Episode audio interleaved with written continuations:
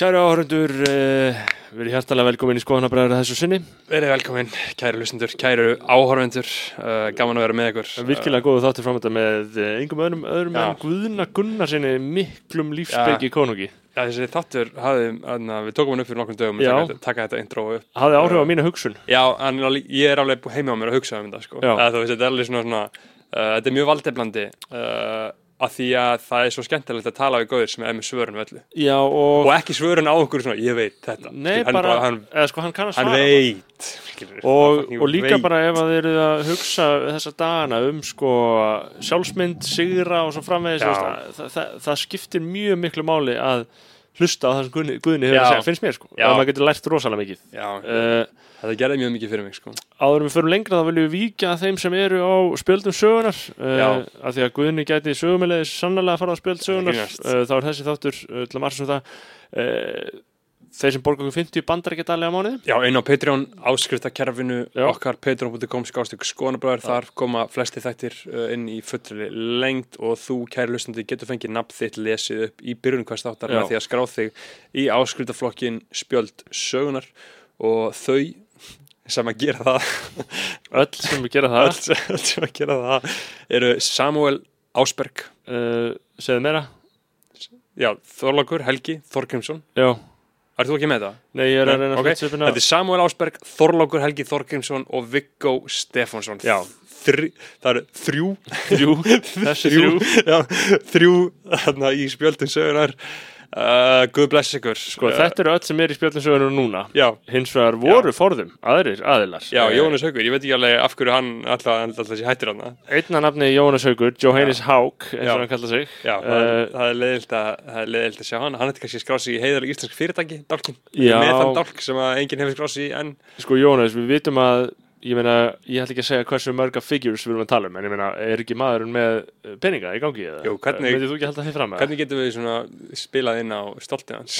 Það- Já, eða sko, mér er bara mjög vandræð að því sko, það sem ég, ég bent á það í umföllum minni um til dæmis hérna, þetta bræð Haraldar Þorleifssonar á kvennafrítæðin, Já, það sem hann ætla að gefa konum og kvárum uh, 21% afslátt af uh, öllu í samræmi við launamun Mhm. Uh, og ég bent á að við ættum að tek- tekjutengja öll gjöld allstaðar uh, þú veist, í raun og veru ættur alltaf að borga í samræmi við tekjur Mhm. og þarna, Jónas Haugur það gildir um þig hér Já. þú þarft að borga í samræmi við tekjur alveg svona pínu niðurlægindi fyrir hann að vera hátekjumæður og, vera- að- og, og vera pennypincha inn í áskriftakjarfi Patreon. Það er alveg hægt að segja það, hann sé pælingar um 40 dólarum, skilur Já. hvað, hvað er ég er ekki að pæli. Jónas, við skulum vera, vera meiri maður en þetta og sömulegis þá söknum við orðspjótana frá Nietzsche sem að rötuðu þá inn hérna í upphæðu þáttar uh, en hvað er það? Við ætlum ekki eða þarna, tíma ekki, ekki meira um þetta, kæru hlustendur, hérna, Fyrir hver að bakið um að sé bróðir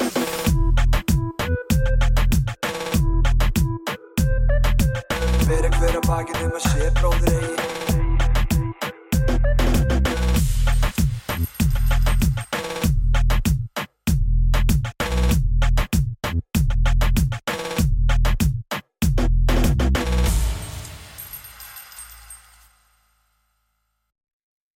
Já, það ekki Guðni? verður velkomin Gunni Takk, takk. í hlaðar skoðanabræðra uh, Já, er það ekki, líður okkur ekki brákallega í dag? Ég var að spyrja hvort þú verir í stuði og þú snýrir upp á mín orðið eins og þú gerir Þú ert mikill orða, Ég- orðamaður Ég vildi bara hvort þú, hvað þú meintir, hvort ég væri tengdur eða, Já. eða snertur eða hvort það væri rammagn í mínum æðum eða hvað stuð þýðir. Einmitt, Ertu einhvern mann ekki í stuði? eða? Uh, sko, aldrei í stuði eða stuðlaust eða þá var ég dáinn. Já, en misjaflega mikið rammagn í mínum fórum. pæliði hvað er sko merkilegt að þarna líkami geti, að sérst, hvað er skamt að milli þess að líkami sé líflaus og ekki, hvað þetta er í raun og veru þetta, þetta hlýtur að vera eitthvað yfir náttúrulegt sem, sem, sem greinir á milli líkama sem getur verið orðið orðin líflaus og það var ekki hægt að fara tilbaka. Einn andadráttur. Þetta er svo styrlað sko að, þú veist, ef þú ert með lík sem er líflaust, andvana þú veist, þá er ekkert að gerast sko. Er ekki til. það er styrlað, er ekki? Sálin, farin. Og hvert er, er sálinn til? eða? Förum við til heimnaríkis? Sko, við erum í himnaríki Já, já, Hvað, hvað minnið þið fara, fara hver? já, en hvert fer, hvert fer Sko, sko, sko líka minn, hann fer bara í jörðina eins og það hann kemur, að þú bjóst Mhm. þetta til með því að næra þig og borða misjöflega vel að vísu. En þannig að þú býr til líkama og hugmyndun líkama og það sem við kallum avatar. Já, Sálinn hins og ljósið, kærleikurinn, ástin, vitundin, veran sem að, að, er hýst í þessu holdi. já, Þannig að sálinn náttúrulega er hvorki deyrið að lifir, hún bara er. já, En líka með þinn opinberast og síðan, síðan uh, ekki að segja að verði degi, en þú sagðir að við notuðum orðið andvana, já, sem því þá gefur upp öndin að hættir að anda já, og þá skilarðu líka hann mattur í holdið, í, eða svona holdinu í moldið. Og, og holdið ykkar er bara mold, það er ekkit annað. en eru forföður okkar í okkur? Sko, þetta er sérkynlega spurning. Ég held að, að vangaveltan er verið að tala um að persónleik, út af persónleikin endurfæðist og ég held að það sé ekki skilgreiningin, heldur er það ljósið andin, sálin og öll vitneskja sem við köllum stundum samvisku sem menn sko nota óspart til að segja samviskan bíti en hún gerir það ekki. Nei, En öll þekking, öll reynsla er í sjálfu sér í sviðunum já, og sálin er í, á, í sviðinu. já, og Sviðinu. Já, the field, það er að segja orkan sem umleikur okkur sem er allstaðar, þetta er það sem við kallum sviðið. Já, og þar er allt saman, það er eins og við tölum um vítir líka stundum og, og mismöndi tilverustig. Og það verður flókið að því að maður hefur svo lítið snertingu gagut þess að lýsa þessu en það deyr ekkert, það Nei. er bara eins og orka deyrist eða eins og, eins og í gær var ég að fýblast í þess að þið ótrúlegt hvað Já. þýðir það, akkur trúur þið ekki, akkur segir mér að þú trúur ekki ykkur. Þannig að við erum alltaf að, að velta því fyrir okkur hvaða afleðingar orkan hefur. Það er ekki hægt að eyðinni. Mhm. Ef ef enginn komið upp með þá kenningu sem þetta eyða orku. Nei. Það er þetta verjinni, það er þetta veitinni.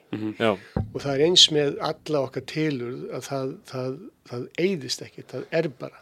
en sko, já, þetta er nefnilega, en, en já, það, er, það er svolítið erfitt að festa fingur á því hvað þarna, hvað þessi, hvað þessi andi er, sko, sem, er, sem gerir líflösa líka að, lí- að, að lifandi veru, sko. En- þú byrjaðir á góðri spurningu. Já, Ertu í stuði með, með guði, skilur Mm, þú veist eins og hvað er maður tengdur, hvað náðu því orku? Það er eins og það er alltaf verið að tala um svepp já, og það talaði um að meðalmannskja þurfið átta tíma svepp. Þetta er bara algjör þvæla. já, Svefni er ekki kvíld. Ok, Ef maður er leiðilegur, hundleiðilegur og þreytandi, þá er gott að kvíla sig á sig með því að sopna og gleyma sér. já, En ef þú vilt kvílast, þá er bara ein leið og það er þakklæti, tenging, tendrun, já, hleðsla Mhm. og endunæring. Það er í þakklætinu. En veitir söfn manni, manni það ekki? Stundum gerir hann það. Það er fullt af fólki sem að fyrir að sofa og vakna þreytara heldur en að læðist til kvílu. já, Af því að það er ennþá að vinna úr vittlisunni sem það fyrir með þessu í svefnin. en þar maður að sofa átta tíma, Nei, nei, nei, nei, ég er bara segja Já. sem dæmi, þú ert að tala um stuðið. já, hvaðan kemur tengingin, hvað er það sem við fáum, erum endurnærið og kvíld Mhm. og, og, og, og snert, skiljið. sko Gunni, þú ert þarna, ert mikill, mikill uh, lífskúnsner uh, og hefur þarna uh, verið ég, ímynda mér að, að, að þú hafi sérstakar skoðun á því hvaða orð maður notar við það sem þú gerir. Ég meina þú, þú þetta er ekki beint sjálfsjálp heldur hjálp og aðstofið að skilja lífið. Hvað, þarna, hvað gerir? Hvað þú, þú, þú, þú skrifa bækur náttúrulega og ert með námskeið og ert, ert í jókadæminu en, en uh, svo ertu líka með fólk bara hjá þér eða ekki sem svona skjólstæðingar. Uh, hvað, hvað gerir fyrir það fólk?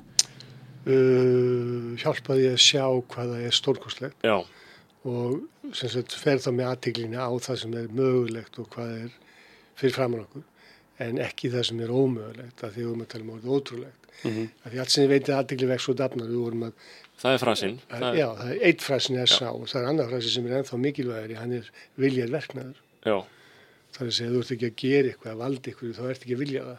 Þið getur langað, þú getur ætlað, þú getur þráð, þú getur vonað og vælt. já. En ef þú ert ekki að valda því, þá viltu það ekki. og er fólk mikið að væla og mikið að væla það Nei, nei, ég aldrei, mæli, væli bara næ- má- mátulega mikið já, til að þræta fyrir vannmættinum.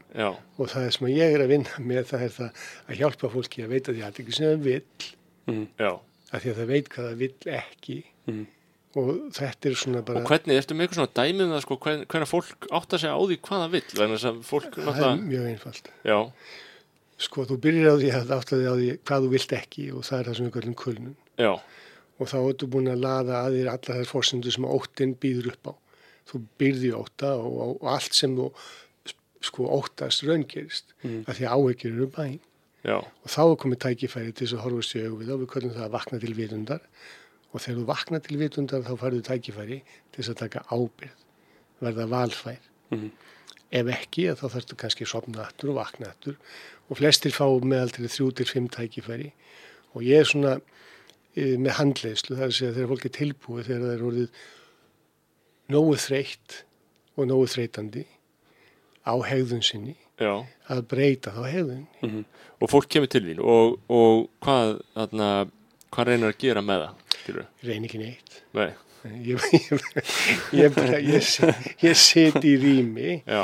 Með fólki og Mhm. og hvað finnst þér fólk, hvað finnst þér algengt að fólk sé að svona hvar, hvar eru Íslandika fastir, ég minna, við, við tölum um þarna, svo rætti við sögu. Já, hvar eru Íslendingar fastir? Fastir í óttanum? Eins og, eins og allir þjóðir eru fastir í ótta. Og þú segir fastur af því að þetta er val eins og þú getur rætt, ræð, þú ræður því hvort þú ræðir þig og ræður úr því líftúrna frá botnum til kvöld svo það er enginn að ræða þig nema þú.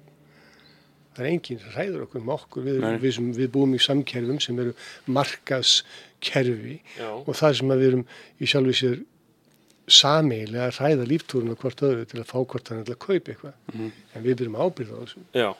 þannig að Me, þetta er meir um þetta, þetta er svolítið áhugavert er, finnst, finnst þér við, við verið að kera hlutina svolítið á óttastundum eða? uh, 97-8% já. já, Mhm. og, og Hver eru byrtingamyndir þess? Svona fyrir uh, út í eðlilegu samfélagi? alla öll streyta, veikindi, kulnun vannmáttur, sjálfs léleg sjálfsmynd, Já. ábyrðaleysi alveg sama hvað þú kallar það það er bara, það er bara ein orka og það er ljós og við kallum þetta aðtigli eða vitund og svo er viðnám Mhm. viðnámið er í sjálfu sér fossenda alls óttans, evans, kvíðans skelvingar, þunglindis Já. og síðan veikinda Og, og þegar við erum sagt, eh, eins og til dæmis eh, ef maður, ef maður fer svona á, á inn á hið, hið praktíska svið, bara sagt, fólk sem er að kulna til í starfi hvað finnst þér verið að gerast þar? Er það þá, kulnun eru síðustu vonbreiðin já, þessi þú er búin að teima þig áfram eins og asni með gulrót og á einhverjum tímapunkti þá stendur ekki lengur undir blekkingunni Mhm. af því að viðnámið er blekking fjárvera og meðan að vitundin er, sannleikurinn heiðalegi, heilindi og, og þannig að uh, þegar fólk kemur til þín með það uh, að þessi kulna í starfi eða eitthvað slíkt Mm. hvað er það svona uh, í, í, í hvað þarf að, breyta í sínu daglega lífi til þess að eða ætlar að halda áfram í starfinu sig, ég hugsa það stundum.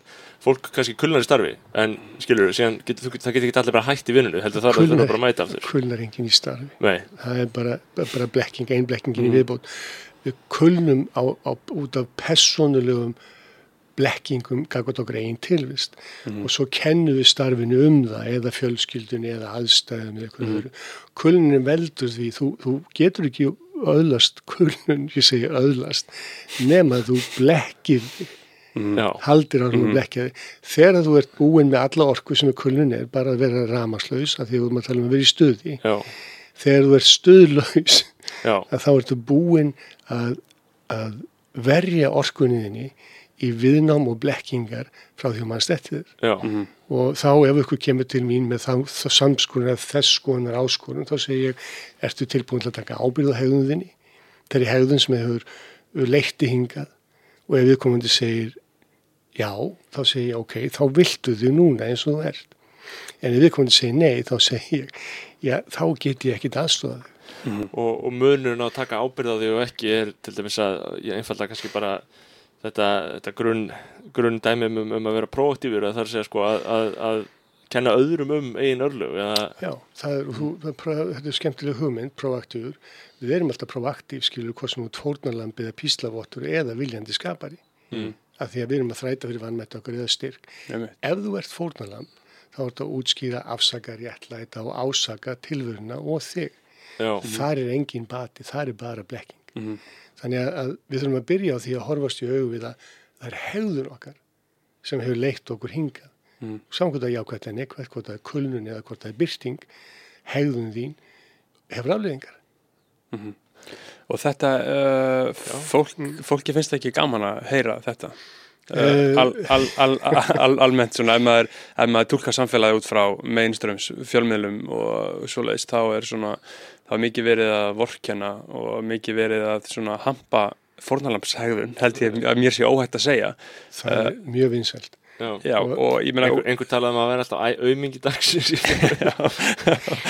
Sko, það, það, það er, við erum gegnum sósa af blekkingu já, og blekking þýðir fjárvera. já, Vitund og vera þýðir heilindi og meina blekkingin er óheilindi Mhm. og það er óheilindin sem er að veikja okkur, Ok, en, en við, við, svona við erum bara að blekkja okkur sjálf. Hvaðan kemur það, hvaðan Já. kemur þessi sjálfsblekking? Frá öru og við alda, þá er það sögurna sem við höfum notað til að hvetja okkur áfram.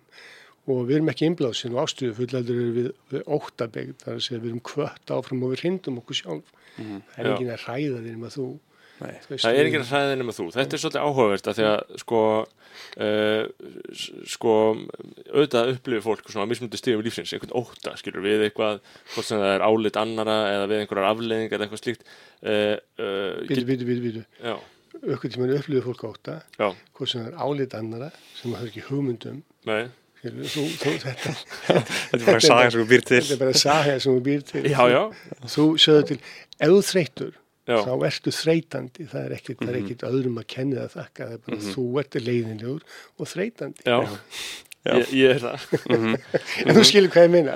Og ætla að fara að kenna ykkur um öðrum um það að hafa. Að Það er náttúrulega bara, það er ekki ábyrð. Það En svona, en, en að því þú varst að tala um beggi, þú varst að tala um umíkja umíkja dagsins. Eða sérst fórnalams sko að, að, að sko að, ríkjandi siðferði, það gengur á mörguleiti út á sko að, upphefja sem er líka kannski bara kristið siðferði að upphefja um, hvað getur sagt um, þann sem er veikburða, þann sem er undirsettur uh, það, það, það er ekki upp, ef maður upphefur það þá er maður komin í svolítið vandræðum. Það er um, um að gera sína samhegð og kærleik og alúð og stuðning og öll þurfum við á aðstóð að halda. En það þarf ekki að upphefja aumingjaskap. nei, Nei. og fyrst er það gert? Við erum að, sko, við erum að aumingja veða heilu kynnsnóðunar. við erum bara, og ég tek þátt, ég hef tekið þátt í þessu sjálfur, þetta er bara svona, þetta er nútíminn að, að hérna, börnin okkar eru heima hjá okkur og helst vaðurinn í sæng þá vil við verða 50. já. Þarna, eh, en til með stitt líf, varst þú vafinn í seng, þú varst alla vafinn í seng, einhvern veginn hlustaði vittalið þar sem þú, þú áttir ansi, þarna, ég meina þú þurftur að standa í fótum mjög ungur. Já, og það var, það, það var, það var þá. Tíminn hefur breyst og 13, kannski 12-13 ára gamli þá vorum við svona farnir að, að, að hérna, taka svolítið mikið plás og þetta sjálfbærir og hérna, aðstæðunar buðu ekkit upp og annað.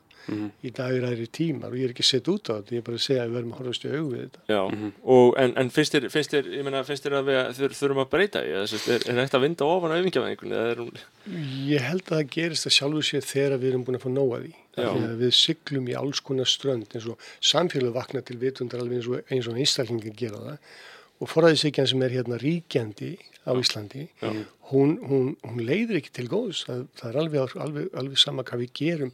Við verðum að hvetja einstaklingin til að taka ábyrð á sinni tilvist. Þanga til að gera þá verður þetta fársjúkt samfélag. já, já, þetta er mjög og, áhugavert. og, og ein, einan leiðin er uh, sem sagt í gegnum einstaklingin að hver og einn taki ábyrð á sínu eigin lífi og eins og þú hefur sagt uh, á því sjálfur þá er það ekki því miður þá ræður öllum þitt eigin líf og það heldur er það blessunulega Lessunulega. Það, ble- það er engin að valda þér áhyggjum, vandröðum, þjáningu. Nei, þú- Við, við getum að vísu deilt sásöka.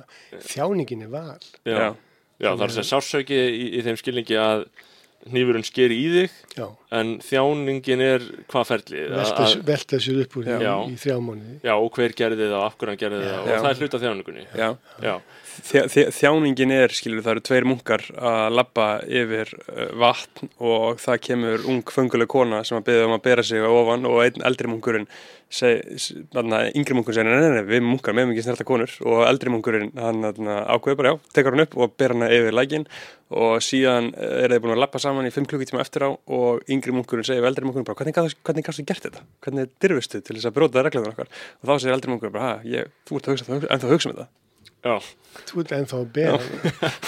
þú, ég, ég, þetta er bara búið já, þú ert ennþá að pæla í þessu og, það, og þannig byrja til þjáninguna. En er ekki einhver þversög sko að því að ég er sammála því að, að auðvitað eiga menn bara að halda áfram á lífið, skilur það er ekki hægt að dvelja í eftirsjóni en er, samt ekki, er ekki einhver þversögn í því sko að ef maður ætlar að, að taka ábyrð á lífið sinu og taka ábyrð á gjörðum sínum og taka ábyrð á, á því sem maður hefur gert hinga til til þess að síðan verða ábyrgur einstaklingur uh, eh, er það ekki einhver, er einhver þráður af eftirsjá í slíkri aðgerð að, að í raun og veru að horfa tilbaka? Á maður eitthvað að horfa tilbaka?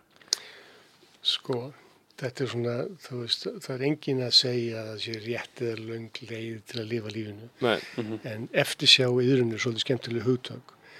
Og eftirsjá yðrun er eins og að horfa úr yðrum sér. já, veist, þú veist, þegar maður er með eftirsjá þá er maður með Mhm. ríg í nakkana, með hálsinu. Við erum þá draugar eða afturgöngar í eigin tilvist. Auðvitað getum við lært af því sem við gerðum, en það er engin mistök. Þú gerð það sem þú gerð þar afleðingar og það sem að kunstin gengur út á er að taka ábyrð á gjörðum sínum og láta frá sér skilja þá reynsluna, melta sem maður gerir samt í næringum að borðar og svo skila maður því sem maður þarf ekki að nota. já, En maður heldur svo áfram að, að tyggja kúkin, já þá er maður ekki, ekki, ekki, ekki, þá verður maður bara andfúll. Já, já, já. og það er í raun og myndlíkingin yfir það að dvelja, að, að lifa sér að marinnast í eigin mistökum og eigin miskjörum Ekki þannig að velta sér upp úr söður. og, og þarna, en, en þú tala líka um þarna sem er er á- áhugavert og þú talar um að sé einhver forræðisíkja í, í íslensku samfélagi og hún sé að hlaupa með okkur í gönur hver, hvar finnst þið forræðisíkja byrtast? Sko, samfélagið er ekki að gera neina kröfur til þess og það er ekki rétt eða ránt að við tökum ábyrð okkar einn heilsu til dæmis Já, sem dæmi mataræði bara og kvíldin, útvera og fórsendur. Við erum ekki kvött til þess, hvorki í skólan ég í samhengi að skilja að við berum ábyrð á okkar lífi. Þetta er sem við kallum one carbon unit eða ein eining já, og ég ber ábyrð á rekstrinum. Það er engin annar sem gerir það. Nei. Það er hægt að kenna mér að reka þetta fyrirtæki alveg eins og fyrirtæki fá ráðgjöf eða einstaklingar en kunstin í þessu er að skilja það ber engin ábyrð á því hvernig ykkur líður nema ykkur. Við berum ábyrð á gjörðum okkar og afleðingum að því en við sjálf þurfum á einhvern tímapunkti að stíga inn í okkar byrtingu sjálf, taka ábyrð á þessu öðs og heilsan til dæmis. Auðvitað þurfum við heilbriðiskerfi en heilbriðiskerfið á ekki að stækka til að, til að, að ná í fleiri skjólstæðinga eins og félagskerfið og það sem við erum að tala um. Fleiri og fleiri og fleiri eru að fara á örorku og inn í þetta kerfi og það stækkar og stækkar og stækkar því að, að kerfin sjáum sem sjálf embætsmiðni standa vörðum sína stöður. Þetta er bara eðli málsins. Já, og, og þetta er það sem er að gerast og það stækkar og stækkar svo, sá hluti kökuna sem fer í þetta. Já. já, Og kvatarnir eru að halda fólki veiku. Já, til dæmis ef, að- ef að fólk lendur á örorku þá er bara mjög erfitt fyrir það að komast tilbaka já, og það er vegna þess að launakerfið er þannig að ef þú vinnur þá þarftu að borga hluta að því. Og það, þetta, það sem við áttar sig ekki á þessu það er það að það eru ákveðnir heimildi sem við þurfum sjálf að skaffa okkur. Við þurfum sjálfsvirðingu, við þurfum sjálfstyrk, við þurfum sjálfströst og við þurfum að eflast. Alveg eins og til þess að það fer ykkur í, í refsingu inn í, inn í, hérna, í fangelsi að þá væri náttúrulega ódreist fyrir samfélagið að kenna þessu fólki að bera sig öðruvísi. Já. Alveg eins er það með veikindu og stuðning og hvað sem er að við hjálpum fólki að ná bata og þá erum við fyrst og fremst að tala um ábyrgð. Það er engin ábyrgð, engin bati án ábyrgðar. Nei. Þú getur ekki náð bata eða komist í heilindin um að segja satt. Akkurat. Hvað er það sem er að valda okkur þjáningunni? Þetta er, þetta er ég, ég er sammála þessu, ég held að ég held að sé allan að því að, að því að eins og ef við tala um skólakerfi og hugsa sko uh, einmitt, ef við erum að hvetja fólk til þess að þú veist, hvort sem það taka ábyrðaðin lífi, taka ábyrðaðin heilsu og svo framvegis. Og hugsa um það bara hver hugmyndafræðin er sem er borin þar á borð. Uh, og þá getur kannski vel verið að í orði kveðnu séu frasarnir alveg sagðir, hefur borðaði holt og þarna, gerðu þetta, en svona þegar kemur að því að, að, að stilla upp fyrirmyndum fyrir þá sem eru kannski nefnendur uh, þá eru þær ekkert endilega uh, að gera þetta sem er verið að kveita til að segja, þú veist, einmitt borða holt, treyðu þig þetta ábyrðaðin lífi, við segjum þetta og öllum er kannski sagt þetta en hvernig er þá þetta, sko, fylgja því eftir raun og veru, þannig að þetta sé ekki bara í orði kveðnu Það eru ímsa leiður. Ég held að við verðum aftur þarna að stíga inn í þetta svolítið á persónlega máta. Hvernig getum við verið fordæmi í okkar samfélagi sjálfur og í kerfunum, skólakerfunum, þar eru, þar eru litlar leiðbynningar því að við erum bara svo mettuð að þessu þvælu.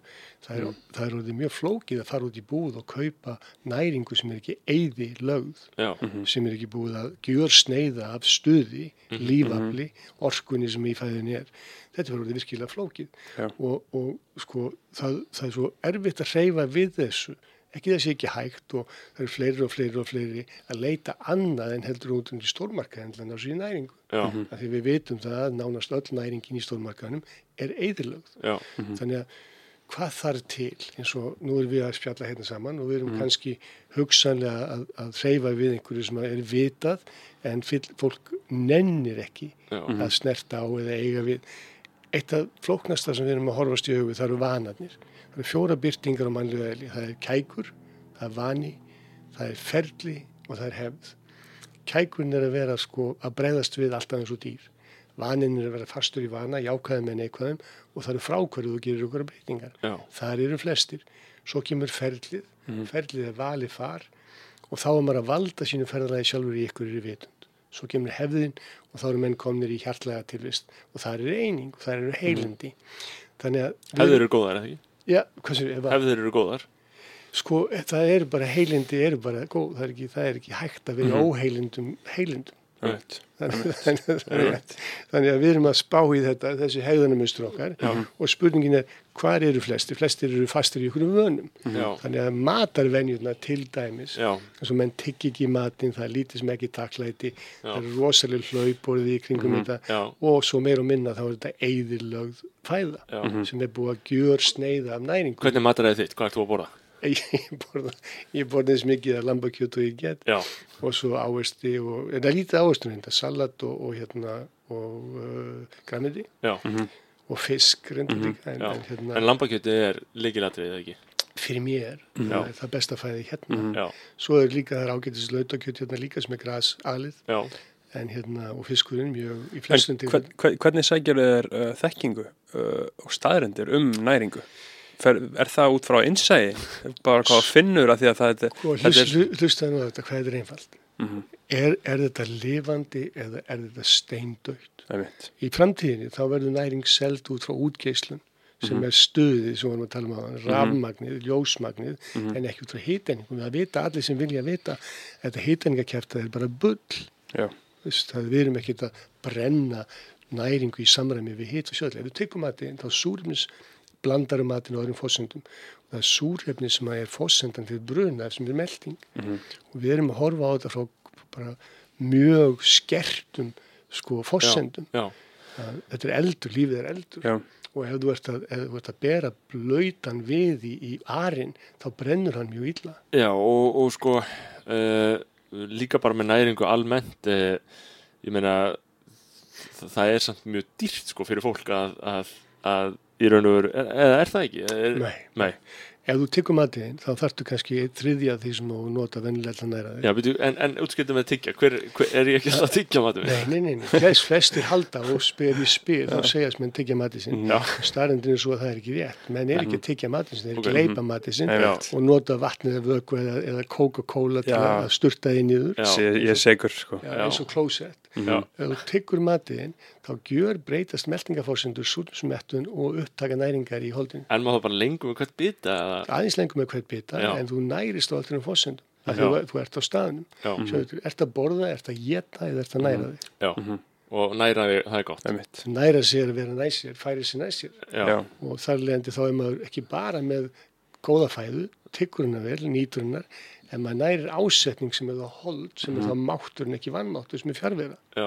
Eh, Það var þarna, ég meina, við tölum um svona hilsu og að, að það, það var það svona, það var oft deilt um það til þeim svona í faraldrinum og meðan COVID var, það var oft deilt um það einmitt sko og þeir, og þeir sem svona, þó, þeim sem þóttu þessar aðgeri stjórnvalda sérstaklega óþægilegar og þeir voru nú margir e, þeir töluðu um að já, að, að stjórnvöld væri ekki að gera nógu mikið til að koma upp fyrir að fólk viktist heldur einhvern veginn meira svona að byrja á hinum endanum og að lækningsvæðin byrja alltaf á hinum endanum hvernig, hvernig blasti faraldurinn við þér sem, hefur, sem, sem veltir auðvitað samfélaginu mi- mikið fyrir hvernig, hve- hvernig tilfinningar hafið þú í þessum faraldri? Sem mesta lega og ótta þvæla sem ég hef nokkuð tíman uppskorið að séð. Já, Hræðslan er, var, voru veikindin en ekki, ekki vírusin. Þetta er ég, ég skil vírusa og ég skil þessar fórsendu að það voru mögulegar hættur á ferð. En óttin og þvælan í kringum þetta var sjúkdómur, faraldur. já. Og, og, hva, og hvað er það hvað er það sem er að verki þar? Meina, er, eru innviðirnir í samfélaginu okkar einhvern veginn byggðir til þess að ganga út á slíka nótta? Eða, já, já, Öll okkar, öll okkar tilvist í dag byggist á ótta en ekki ást. já. Við þurfum að laga það, er það ekki? Það hljómar ekki, Jú, en við getum ekki gert það nema bara hvert og eitt okkar. já, ok, það er málið. Já. Já, Já, við getum opnað hjörtu okkar, við getum komið inn í samhigð og kærleik og blíðu. já, En þú gerir það ekki nema og gerir það gagvað sjálfur eins og sjóðurlunum með tilgang, öll þjón, þjónu við tilgangi. já, En ef við erum að þjóna tilgangi sem þjónar öðrum til að þjóna okkur, þá verðum við veik. já, En ef við erum að þjóna tilgangi sem þjónar okkur til að þjóna öðrum, þá verðum við heil. já, þjóna öðrum til að þjóna, þjóna öðrum til að þjóna sér er ekki gott, þjóna sér til að þjóna öðrum er gott. Já, svo, svo hlustu það eins og það, þetta er svo mikilvægt. En svo það er sko frasinn að það er sætla að, að gefin að þykja. Það er mesta vitleisa sem ég hef hýrt á lífslið. Já, áhugavert. Skil, það er sætla að gefa heldur en að þykja því að þú getur ekki, nei, sko, sætla að þykja sig heldur en að gefa því að þú getur ekki þegið þá hefur það ekkert að gefa. Nei, og við erum svo, það er svona, það er þetta eru eldgamni frasa sem að koma ég veit ekki hvaðan, sem er verið að nutt okkur upp úr, Akkurat. þetta stendst ekki já. Akkurat. En þetta er kristni, hinn kristni síða bóðskapur. já, öll trúabröð í Já, sér, já. og sem eru þá umgerður á þeim tíma sem að það er sett og er nota en það eru breyttir tímar Já, en ef maður segir eins, eins og um COVID, uh, ef einhver segir, þú veist, þegar þú segir að, að þegar, uh, já, að, að hinn sannig faraldur hafa verið óttinn en ekki veiran og einhver myndi segja við þig, heyrðu, að, þú ert að stopna lífi fólks í hættu með því að, með því að hugsa svona um faraldur. þá myndi ég segja að það, ég bara ber virðingu fyrir því áliti en það er ekki mitt álit Nei, Einmitt. já, Einmitt. Uh, en, en þetta sko, við vitum það að hver og einn getur bara uh, breytt sjálfum sér og við getum bara haft áhrif í gegnum það. En segjum sem svo að uh, uppsprettur leitói, uh, sterkur leitói, uh, eins og Nietzsche talaði um einn rómverski Cæsar með hjarta Krists, mm. uppljómaður, frelsaður maður sem að gæti einhvern veginn komist til valda uh, í samfélaginu. Myndi það hafa áhrif? Sko ég held að við séum betur sett með fleiri leiðanda heldur neitt leið tóga Einmitt. og þá er ég að tala um þetta að við hvert og eitt okkar stýi til vits og, og, og farið að sinna þessu ljósi, þessari byrtu, þessari peru á þann hátt að þetta skýni af sér, gefi af sér. Og við, auðvitað þurfum við leið, leið sko anda, ég það sem, eins og við þurfum, við þurfum alltaf að hafa einhverju fordæmi sem eru ofinbjörn og það er gott á en við sjálf erum ljósið peran, það getur enginn borðið ábyrða því hvernig þú byrtir þið nema þú. Það er alveg saman hvernig við snúum þessu. Við sitjum alltaf uppi með þetta. Hvert er okkar framlag? Er peran þín dauf eða er hún björn já. Er þarna, eh, að því að við tölum um sannleikan, skilur, að það skiptir máli að, að hver og einn segi, segi sannleikan. Uh, ef þú lítur á þitt líf, varstu eitthvað mann ekki alveg að segja sannleikan? já, já, Já, og, og enn þann dag í dag. Hlustaðu á þetta. Að ef að ég er fjárverðandi þá er ég að segja ósatt. Já, af því að heilindi eru vera og óheilindi eru fjárvera og við náum ekki að skilja þetta. Viðnámið er alltaf óheilindi alltaf ósannleikur. Og hvað, og hvað er viðnám? viðnámið er þitt viðnám í tilvinni það er bara viðnám eða flæði. Já, það er að streytast á móti eða allt algjörlega. Já. það er bara þetta viðnám sem veldur öllum kvillum sem við erum öllum útgjöldum og orku sem við erum að horfast í augu við. Já. og viðnámið er alltaf ótti, eitthvað form af óta Hvað þarna, uh, hvað finnst þér um, um pólitík? Mér sem bara æðisleg Já, og íslenska pólitík? bara æðisleg, ég meina hvað er að pólitík Já, nei, ég spyr mig. Það er oft, sko, við tölum oft, sko, það er svolítið áhugavert að þegar við tölum um, við búum í líðræði samfélagi og þegar við segjum líðræði, mm. þá erum við að tala um svona bara besta hlut í heimi, bara besta kerfi sem við erum fundið upp, eða svona það er viðkvæðið allavega, að líðræði sé bara frábært og það fær okkur frelsi, fær okkur, hvað, hvað, fær okkur allt sem er gott. Og þannig að þegar við segjum líðræði, líðræði þá tölum við í svona mjög upphöfnum stíl, en síðan þegar maður segir kannski, þetta er pólitík, þá er pólitík meira svona, það er svona slett fram, það er svona niðrandi orð eiginlega. Hver er munun á, þú veist, þetta er svo áhugavert hvernig við tölum um þetta, því að hvað er pólitík annað en líðræði? sko, pólitík er bara umræða. Já, og umræða, það er þegar umræðin fær ekki að, að vera til staða sem að koma þrengingar. Já, og við köllum þau kerfi annað. En það sem við þurfum að hins vegar að skilja það er það hver fjármagnar þetta. Já, og pólitík er í sjálfu sem svo í Ameríku þá segja, segja menn að, að hérna, lobbyistarnir já, hafi meiri áhrif heldur en heldur en sjálfur ráðherrarnir. jú, jú, Mm. Lobbyarnir hins vegar eru, eru sendisveinar fjármaksins Mhm. og er þetta eitthvað öðruvís á Íslandi? Líklega ekki er það Ég, ég get ekki séð það. Nei, og, en, en, er það, en er það ekki pólitík fyrir slæm? þetta Það, er það, er ekkit slæmt í þessu, það Nei. er bara, það er bara ásöku afleðing Já, og það, þetta hefur alltaf rétt á sér. Sjáðu til, ef þið lifið í heimi þar sem það er eitthvað rétt eða ránt, þá, þá Mhm. eru þið í vandræðum af því að þau eru alltaf að taka afstöður og dæma. já, En það er bara eitt lögmál, það er ásöku afleðing. já, Þetta er það sem við höfum kosið yfir okkur Já. og við erum ekki tilbúin til að breyta Einmitt. þessu. já, já, akkurat Þannig að Og- þú, þú vilt hverja frá því að vera alltaf að fella einhverja dóma um þetta Já, þetta er bara eins og við, við kusum þetta yfir okkur Já. og ef við viljum breyta þessu þá verðum við að breyta þessu en við höfum ekki viljað breyta þessu. Nei, Og hver er þín sín á hvað þetta þýðir allt saman eins og Eckhart Tolle talar um að þessi meðutundaleysi og allt sem er í gangi og ofbeldið og fólk vil ekki taka ábyrð og eitthvað svona sé raunverulegu partur af starra samengi og þróur mannkynsins að við þurfum að fara í gegnum þennan sásöka þurfum að gera allt þetta til þess að síðan á endanum vakna allir uh, hver er þín, hver er þín sambarileg sín, A af hverju er þetta? Sko, ég held að, að það sé ekkit, ekkit sko, það er ágætislýsing skulum við segja, að á einhverjum tíðanbúndi ef við trúum því að þetta sé spurningum að vakna til vitundar Mm að, sem er þá að koma inn í heilindi þá er þetta bara ferðalag og það er misjætt hvað þetta tekur okkur langan tíma. Mhm. og ég er búin að vera í þessari umræðu núna í 60 ár Mhm. og afsakið ég hef séð breytingar Mhm. þegar ég byrjaði þá var til dæmis nánast ekkert jóka og það var nánast engin heilsurætt eða, eða reyfing og á þessu lífspanni mínu þá ég sé gríðarlega breytingar þarna. Mhm. Mataræðið hefur breyst af vísu, var mataræðið ekkert mjög slæmt af því að það var bara heimilismatu sem var ekki búið eðilegja. Nún er heimilismatu eðilaður, einmitt. þannig að það hafa verið ákveðna breytingar þar líka. Og við erum að þroskast, þetta er, er ungt samfélag. Hér voru engvi peninga fyrir nettinni, marsjólaðstóðina og hér áttu nokkrir uh, stórbændur allt saman sem var að eiga. Og það verður vísi ekki breyst mikið, sá, svo hlut, hlutvall hefur nú ekki breyst mikið. nei, Það er á örfáum höndum allir, fjár, allir fjármunir hérna á eignir Já. en við erum sjálfur sér að byrja að skilja þetta að við berum ábyrð á okkur upplifun Mhm. eins og viðhorfið mitt sem ég hef gagvat mér ofinberar sem sagt mína tilvist og þar leðandi mína framgöngu Mhm. þannig að ég er ekkert að gera annað heldur en að útvarpa mínu viðhorfi til mín á tjaldtilvurnar og búa til minn veruleika Mhm. og þegar við áttum okkur á þessu þá fyrir við að skilja að það er ekkit rétt eða ránt þú hefur heimil til þess að þræta fyrir vannmættiðinum eða styrk en þú situr uppi með afleðingarnar Mhm. þannig að spurningin er hversu margir eru tilbúinir til að stíga inn í þessa ábyrgð við þurfum að búa til orðið yfir þetta á Íslandi Mhm. það er valfær orðið ábyrgð að það er að taka á sig byrðar. Það er þér að kenna, það er þér að þakka hversum þú kallar það, þá er það byrði að taka á.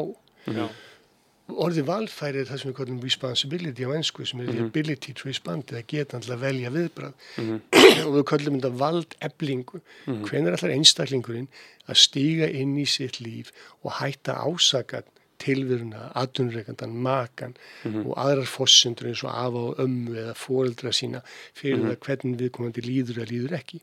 Fólk talar um að það sé tínt og þarf að leita að sér og ég er að segja meðan þú ert tíndur þá, þá verður þú finnur aldrei neitt. En um leðu tilbúin til að taka ábyrgð og finna sásökan af þinni ángist vegna þinnar hegðunar að þá byrjar allt, allt annað líf. já. Og, og þú hefur séð þetta bara gerast hjá fólki, bara fyrir og eftir Já, já, og það er, sko, það að vakna, það er, það er alltaf, jafn, sko, uh, ábyrrandi, en svo þarf þetta að viðhalda vökunni. Já. Af því að þegar við vöknum til vitunda, þá vöknum við til vitunda að það við erum ekki hugsanir okkar, eða viðþorfið afstöður, við erum sál, en svo er það ábyrðin fyrirgefningin sem að gefur þér endurfæðinguna sem þú heldur þér vakandi. Og, og hvernig spilar, spilar þarna því að þú talar um að, að, að, að maður sé ekki maður sé ekki fórnalamb um eitt uh, Býtu, býtu, býtu, býtu, þú ert fórnalamb og meiri sjá leiði til sláturnar Já, þanga til þú ákveður og sért það ekki. já og, og, en, en, en einhver myndi segja þá að því að eh, núna er, núna er það ekkit það er ekki óútbreytt heimsýn að, að í raun og veru samfélagi byggist bara upp á misjaðarsettum hópum sem eru mismikil fórnalamb hverju sinni. Hafnar þú þeirri heimsýn? Já, já, Já, að, að, að sérst, eitthvað, ef, ef maður er til einmitt, ef maður er kona eða ef maður er útlendingur eða eitthvað svona ef, þú- tekur þessar eh, klassísku, þessar klassísku jaðarsetningar flokka eh, eða, eða eh, já, fórnarlamsflokka ha- hafnar þú því að, að, að vegna þess hvaða hóps þú tileirir þá sértu þeim meira fórnarlamb uh, sjöðu til. Þetta eru trúabröð og allt sem þú trúir er svo veruleiki sem þú skapar. Ég er ekki að gera lítið úr hemmingóðum sem að, að, að ákveðin hópar eru í að því að, að þá trúar þeir einhverjum sam, eh, þeir trúa sögunni sinni. Og það er að vera það er að vera í raun og veru fastur í ánauð af sögu. En við og viðhorfið breytist, þá breytist upplifunni. Já, Þannig að, og með þú ásag, sjáðu til, að vera ábyrg vera sem hefur fyrirgefið sér, valið sig, veldu sér og er viljandi, þýðir það að maður er ekki lengur að útskýra, afsaka, réttlæta eða ásaka sjálfan sig eða tilveruna. Einmitt. Þetta, þetta er, ég veit að þetta er sko ekkit ofsalega áþrænið til marga því að þetta er ekki umræðin sem við búum í. Nei. En meðan þú ert stöðut að réttlæta, afsaka og útskýra þig, þá ertu fórnalan. Já. einmitt Við Og- eigum ekkit að þurfa að, að vera alltaf að útskýra og afsaka okkur.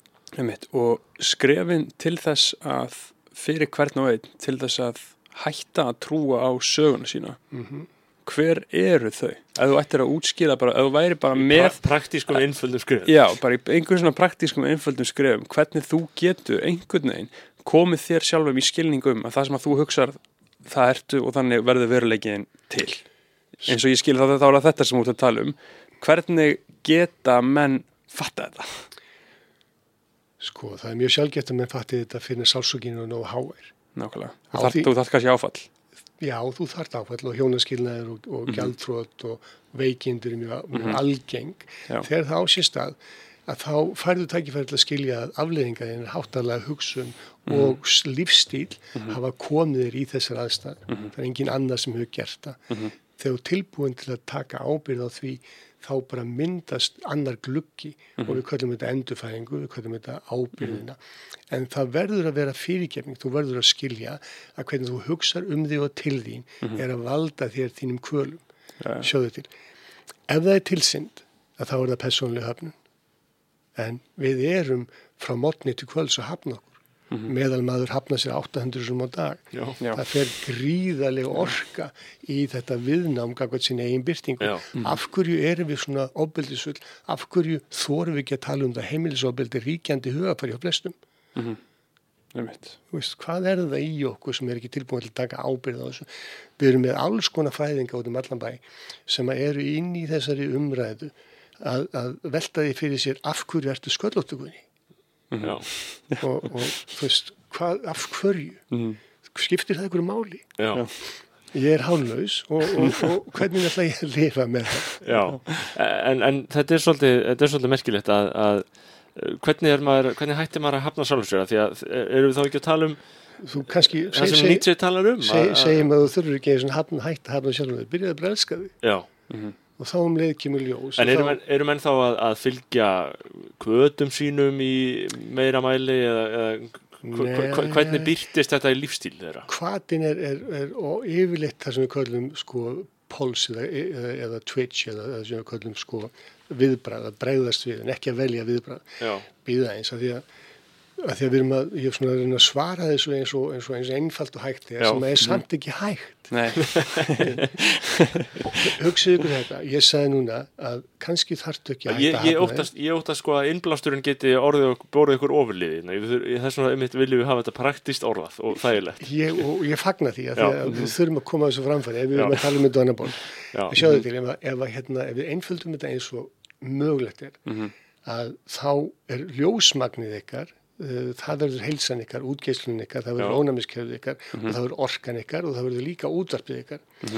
Og höfnunin er ekki, það er viðnám, reynd og klárt viðnám. Ekki, það er ekkit viðnám eins mikið eins og höfnunin um leið og þið elskið ykkur sem er svolítið flókið ef maður hafna sér.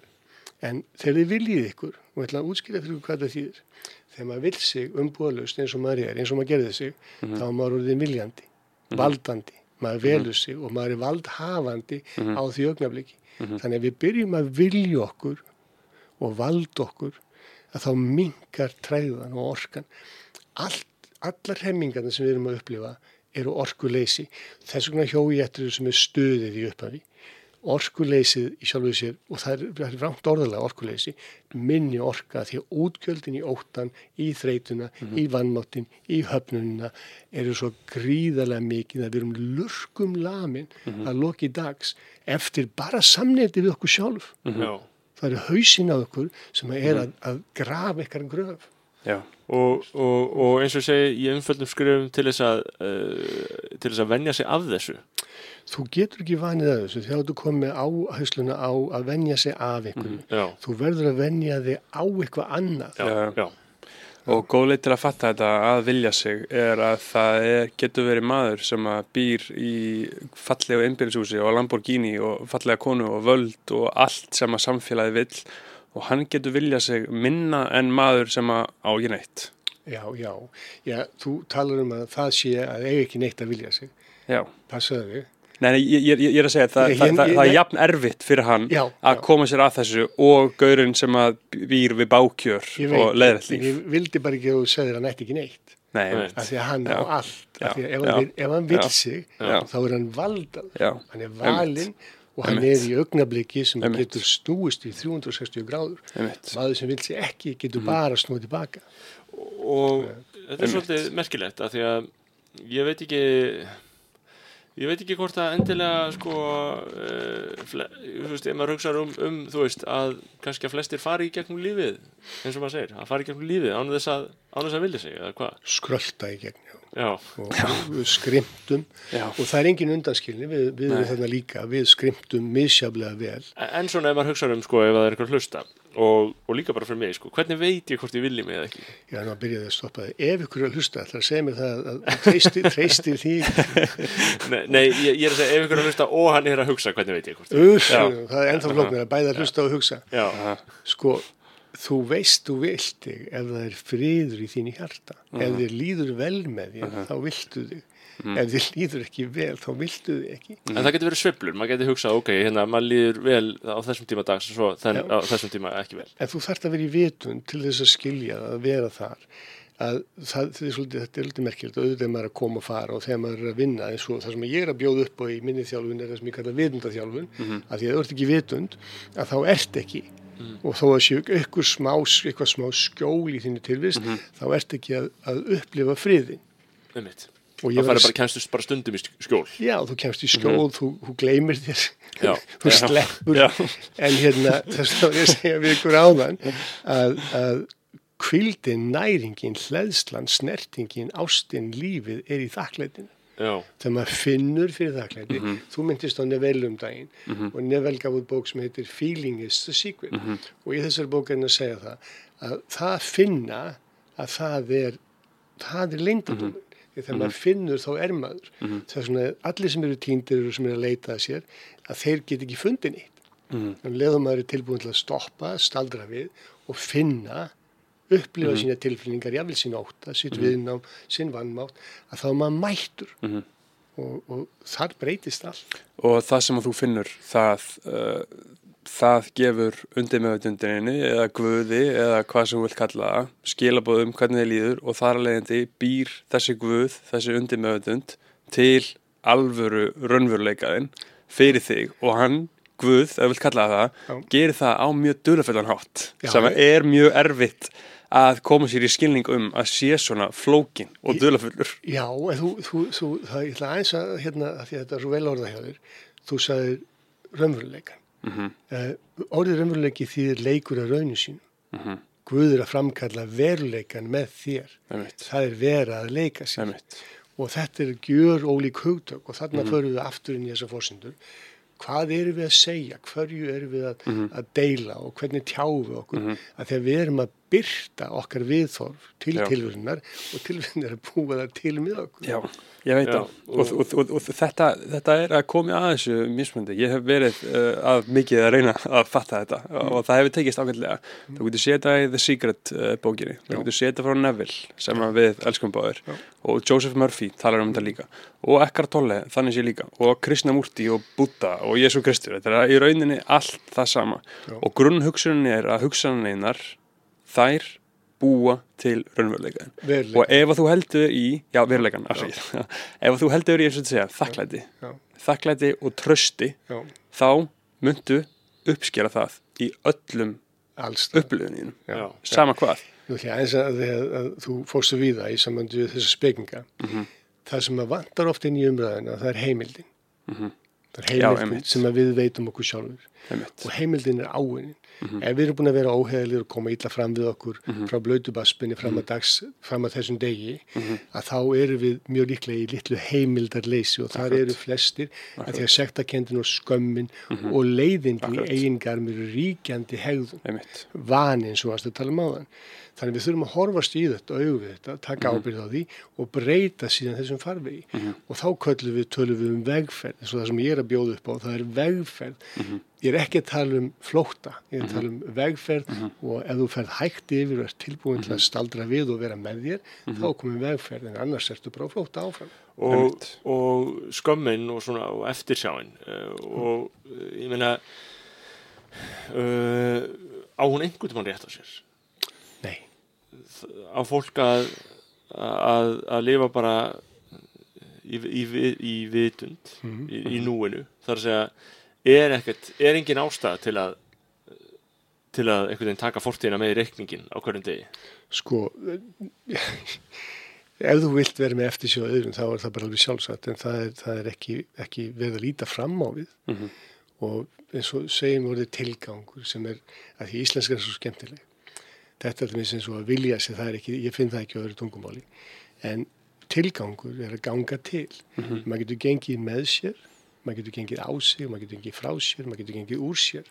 Og þannig að þetta er allt hugtök sem að ganga út á sömu fossendunar Já, er þetta vegferð í vitund eða er þetta fjárvera og við þurfum að skilja það að, að til dæmis eins og skömm eða sektakend eða, eða sjálfshættur eða höfnun að þetta eru íþingjandi byrðar og það eru margir að, að drattast með 10 fyrta gám, 20 fyrta gám í eftirtóð þetta, þetta er ekki að hjálpa velsælt nei, og, og, þurftu að skera á gamun bara, hann að svakva þú þarft að fyrirgefa, þú þarft að sleppa þér úr viðjum hugans og maður er ekki fyrirgefa það sem að maður gerði. Ég gerði ímislegt ég hef, hef komið ítla fram og sagt ósatt og ég vil stólið sem betur fer svolítið síðan en og ég get ekki fyrirgefið með það af því að það, það er eitthvað sem bara er bara búið og hefur haft afleðingar inn, inn í mína nútíð. En ég get ef ég er að hafna mér fyrir það í augnablikinu og nota hugmynd um fortíðina til þess að réttlæta skömm það get ég fyrirgefið. Ég get sleppt mér undan okki hugans Já, Já, þannig að þannig að þú getur, þannig að þú getur ekki fyrirgefið það sem þú gerðir. Nei, en þú getur fyrirgefið sjálfur þér fyrir að vera að, að marinn er að stýri Já, ég get sleppt því þeim Já. núna, í, það er bara núna, hefur aldrei verið neitt annað en núna, verður aldrei neitt annað. Þetta er bara saga sem hættir að trúa. Já, bara, Já. þú, loka bókinni eða, já. já maður þarf að minna sér stöðut á það sant? Já, og þú ert að sleppa ofta aftur á því, eins og maður fyrir út með ruslið á hverjum degi. Já, Maður þarf að henda því frá sér sem maður ætlar ekki að nýta. En ef þú ert hins vegar að rungast á þér, Mhm. út frá fósundum fórtíðarinnar, þá ertu bara fórnarlamb og það er bara eitt Já. besta mál. Bara njóttu þess. já. Já. Þannig að þetta er mjög, þetta er rosalega áhugavert Hvernig varstu svona sniðu, skulni? Ég, hérna, ég er búin að vinna að því að vera svona sniður. Kemur ekki sjálfur sér? Ha, Þetta já, sko, þetta er svona, þetta er svona hérna, skemmtileg umræða. Ég veit ekki hvort ég hef nokkuð tíman viljað reyna eða reynt að vera sniður. En mér, fyrst langaði mig að bjarga mér undan okki hugans. Og svo þegar ég náði þessu þá langaði mig að bjóða fólki upp á þann möguleika að það gerði það líka. Þannig ég er búin að vera að vinna í þessu frá mm blödu baspenni og ymsar útgáfur. Og svo er maður að skilja þetta betur sjálfur það er að segja eftir því sem að maður vinnur betur og þjálfa sér meira. Þjóna sjálfur til að þjóna öðrum? og, og, og, og hvernig hefur þetta uh, andlega skástrík, vitsmunnalega ferðalag þitt persónlega í að kannski til að byrja með einhvern veginn uppljómast og síðan koma náttúrulega auðvitað bakslög? Þú veist, ég hef átt mörg moment þar sem ég held að þetta sé komið. Það sem að þetta er bara já, ok, núna skil ég þetta. Síðan kemur bakslæðið bara svo vitið það ef þú heldur út í með þetta sé komið þá mm treystu við það er ekki komið. Já. Sko ég, ég Berþó bróður minn, hann hefur þarna, hann er mjög, uh, hvað getur maður sagt? Uh, yðin, yðin og hann er, þetta, þetta er kallað leitandi uh, að vera leitandi. Eða finnandi. Hann er orðin finnandi núna. Mhm. En sko, en þetta er áhugavert sko, af því ég er kannski ekki jafn leitandi, ég, kannski er það því ég er, eh, heiti það þá að vera bældur eða, Nei, en þú, þú ert nú að blekkja það eins, af því að þú ert finnandi á öðrum fossendum, það er að segja, þú, þú, sko, hann er tilfengilega að sé að þá er hann á allt öðrum fossendum og bylgjulengt heldur en þú. Þú, Já. þú berði öðruvísi, þú ert meira huglægur, hann er meira hjartlægur, já, þannig að þú ert að finna og leita á öðrum fossendum. Það er, það er engin stór munur á okkur. Nei, Nei. einmitt. einmitt. og, og Er, það, getur þetta verið að sé bara mismunandi áhugamál?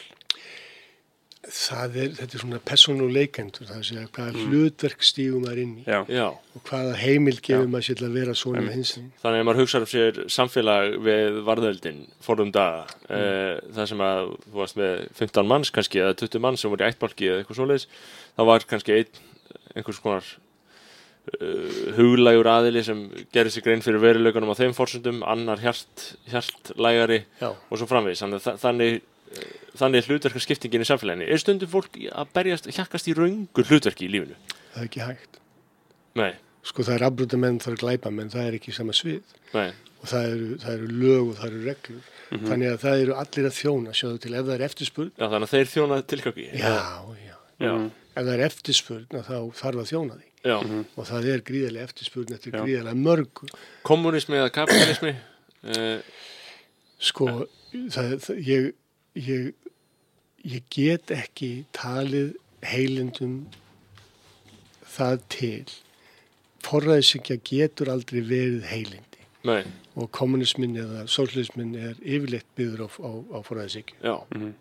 Það er rétt að einhver einn geti átt að segja á því hvernig þetta á að virka og þvingað á aðra það, já, það en er það ekki samt bara það sem ríkisaldi gerir hvort sem er við okkur eða? Sko við erum ríkisvaldið, þannig að, að farið varlega. Já, en, en, en og þó, ég meina, erum við það? Skilur eða er það eitthvað, já, Sko við erum það og þurfum að, að ef, og, ef okkur líkar ekki það sem er að gerast í samfélaginu, þá verðum við að hefja upp og röst okkar og breyta þó einhverjum fórsendum, en við verðum að stíga fram. Það að, að röflaðum þetta inn á kaffistofu í vinnunni, það er, það er Uh, en, en, en þessi spurningunni sem ég var að fara að spyrja þig þarna, uh, þetta hjá þér dæmið að uppljómast svona til að byrja með þegar bara allt í hennu sjá ljósið uh, sjá að þú losnaður undir, undan oki hugans hvernig hjælt það ferðalag síðan áfram? Þú hefur vantilega fengið einhver bakslög og síðan fattað eitthvað meira og í gegnum hvað? Er það í gegnum hugleyslu? Er það í gegnum liftingar? Er það í gegnum lestur? Hvað hefur nýst þér best ef að þú ættir að gera upp á milli? Sko það sem að, það, það, það er bara lífið og verkværin sem að ég hef notað eins og reyfingu og andunaræfingar og næringu og þar með þetta gott og með huglýslu þetta hefur nýst mér allt vel en áðan var ég að segja ykkur frá heimildinni Mhm. að við verðum að veita okkur heimild sjálfur fyrir velsælt, fyrir Einmitt. velsælt og það sem að þegar við tölum um að vakna til vitundar ég segi stundum að það eru þrjú tæki fyrir meðaltali sem ég fá fimm.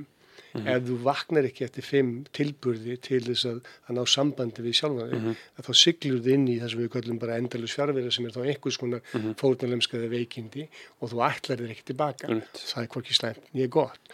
En maður þarf að viðhalda þessu og ef maður er einu svona búin að, að snerta þetta að þá, þá vill maður alltaf fara aftur. Já. svo kemur lífið, maður heldur áfram eins og segjum fjölskylda eða atvinna eða tækifæri eða eins og ég í þróun eitthvað og gefa út bækur og svona hlutir.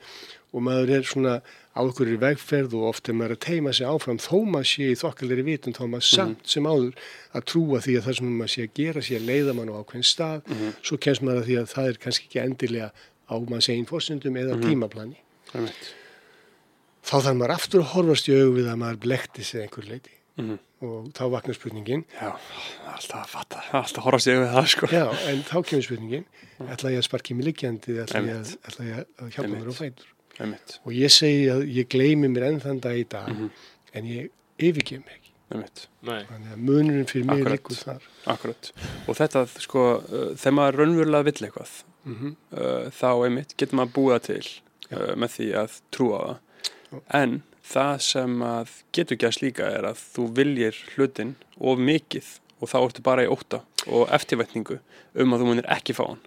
Nei, Og þar alveg sér heimurinn til þess að fá þér hlutin ekki. nú þarf ég að stoppa þig Ok, af því að, sko, vilji er verknaður Mhm. og þegar þetta er hjartlægur sko hjartlægur fórsendur skilabóð þá, þá er ekki hægt að koma í veg fyrir það að verða veruleika. Spurningin er bara einmitt, það sem hins vegar gerist er það að, að ef þú skapar þetta á fórsendum óttans og skorts að þá getur ekki notið þess þegar þú næði árangur einmitt, og þá skemmir það. Einmitt. En getur maður ekki líka skapa svona að maður heldur um að vilja eitthvað? Að því maður heyrir ekki alveg í sér? en nú sagður annað, þú sagður heldur um að vilja eitthvað. Mhm, sjöðu til, að vilja er valda. Mhm, þannig að ef þú vilt eitthvað þá veldur því. Og það er ekki að halda það er bara Mhm. vilja er verknaður. Mhm, vona langa ætla þrá væla, það Mhm. er annað. Einmitt, og að halda að maður vilja eitthvað Mhm. sem maður hefur ekki, það er ekki satt. Einmitt. En, en blekkingin að eldast við eitthvað rámt, er þú að tala um það ekki? Uh, Ja, ekki, þetta ekki, stóð- ekki endilega, ég er að tala um þú, þú, ég var að fara að segja næstu ég sagði næstu, ég held ég er að segja uh, ég er að segja, uh, þið langar í eitthvað. Já, þá, með, þú maður þekki leiðina sem maður þarf að fara til þess að fá það sem maður langar í, Mhm. maður þarf að trúa því að maður sé nú þegar með það, Mhm. þá mun alheimurinn, Guð, þú sjálfur, hvað sem þú vilt kalla búa til þessar ytri aðstæður fyrir þig, Já. þannig að þú fá það. Eins og þrývituprentari Nákvæmlega, þetta er það einfalt og ég hef bara átt hann upplifanir í lífið mér þannig að ég trúi þessu mjög staðfastlega. Já. en síðan kemur það fyrir að maður missir trúna inn á milli. Já, þá, þá Þi- missur heimildina. Já, einmitt, og maður missir heimildina þegar maður liggur upp í sofa Mhm. eða liggur upp í rúmi, einn. Já, að velta sér upp úr einhverju. Já. og þá byrja maður að vera hrættur um það að maður fái þetta ekki. Já. Sem, af því að maður hugsaði, já, Já, já, ég skilji. og þannig getur þú spýrlast í ring Já. og þar leiðandi klúður því sem þú vilt. Þú byrju að því að þú, þú spýrast ekki nema þú haldur úr sér hugsanðinar og, ef þú- Nákvæmlega. og ef þú heldur úr sér Nákvæmlega. hugsanðinar þá ertu með þráhyggju. Maður bara gleymir anda. Og þegar maður gleymir anda þá byrjar maður að trúa ef maður sé hugsanir sínar. Þú yfirgefur þig, Já, ok. Þá ertu búin að yfirgefa líka trúna og, Mhm. Einmitt. og tenginguna. Einmitt, og ert að segja ég hef ekki heimild á þessum tímapunkti til þess að skapa þennan veruleika. Akkurat. Og, og þar maður þá ekki til þess að æfa sig, til þess að berjast gegn þeim augnablikum, þar sem að maður viljinn skólast til hjá manni og maður fer að hugsa, ég vildi ekki þannig ég fæti ekki. Uh, þa þar maður þá að hugleiða til að geta verið sterkur gegn svona er til þess að styrkja sig. það er misjátt og ég einfalda þetta fyrir ykkur alveg gríðarlega mikið. Já, Hvað, hvað er með? Það? þegar þú vilt þig ekki Mhm, þá ertu að hafna þér mhm, en þegar þú lærir að vilja þig mhm, þegar þú vilt þig ekki mhm, þá ertu komin á allt annan stað. Að læra að vilja sig þegar maður vildi sig ekki. Já, þá, Já. þá er svo lítið sko eins og maður rasar hversu fljótur þetta fætur. Mhm, Uh, Fórnalabir rasar og sparkar í sig líkjandi í þrjá daga já, og er þar lendi bara fús, fúskari. Akkurat. En, en, en viljandi skapar í vitund, Mhm. hann rasar, er fagmaður, hjálpa sér á fætur, að sér ekkið og, og brosir. einmitt. já. Einmitt. Og, og getur maður komist í getur maður komist í gegnum allt Gegnum hvað? hvað meinur gegnum? Nei, ég meina ef maður hugsa, þú veist að þið verðum að tala um að rasa þú þú veist, er eitthvað of, er eitthvað þú, það, Það er ekkert er óyfirstjálegt. eitthvað, er eitthvað högg of þungt Nei, nei. Nei, Nei, uh, en þú, sko þú ert út cancelled, þú missir kólunum eina, bönnir eru tekið frá þér. en þú hefur ennþá viljan þinn Já, þá, þá, og sko það er talað um að það er talað um sko slæma geðhilsu mm Mhm. til þess ungmenna og líka bara allra annara og, og hálfþjóðin er á livjum og svo framvegis. Þannig að hvernig uh, byrtingamitt hvers heldur þú að það sé þetta ástand? Ef, við ef, ef þú fælst á yfirleitt á að þetta ástand sé fyrir hendi. Óheilindum. þess að við erum að hræða líftúrun og bönnunum okkar. já, og þetta er samfélagsmegin, ég er ekkit að undaskilja mig undan þessu heldur en óttin sem við kallum kvíða eða efa eða þunglind eða hvað sem er, þetta er veruleiki sem við erum búin að búa til. En þetta er hugar ángur við erum ekki að kenna börnunum okkar afleðingar að því hvernig þau hugsa.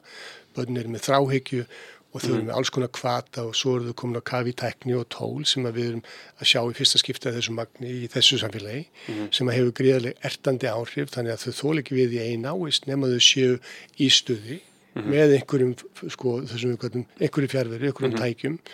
Þannig að þetta er ástand en þetta er ekki geðhilsa þetta er bara ótti sem er svo magnaður upp með orkuleysi því að þau standi ekki undir þessu þau ná ekki að kvíla, þau ná ekki að vaksalminlega þau eru komin í þrengingar og þeim líður illa og þau eru föst þar og samfélagi kann ekki taka utan um þetta. og, trú, og te- trú, trúir það á ADHD?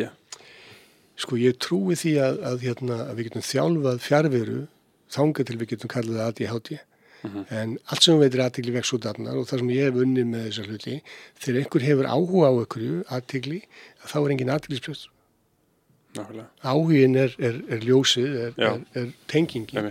Og ef er engin tenging að þá er tvistrun Já, og þú veist að tala um sko að því að þú segir að, að, að skilur þetta sé í raun og veru ekki kannski endilega geðhelsa sem við, við erum að tala um hérna, sagt, að, vandamáli sé ekki geðhelsa þegar við tölum um hvernig ungmennum líður.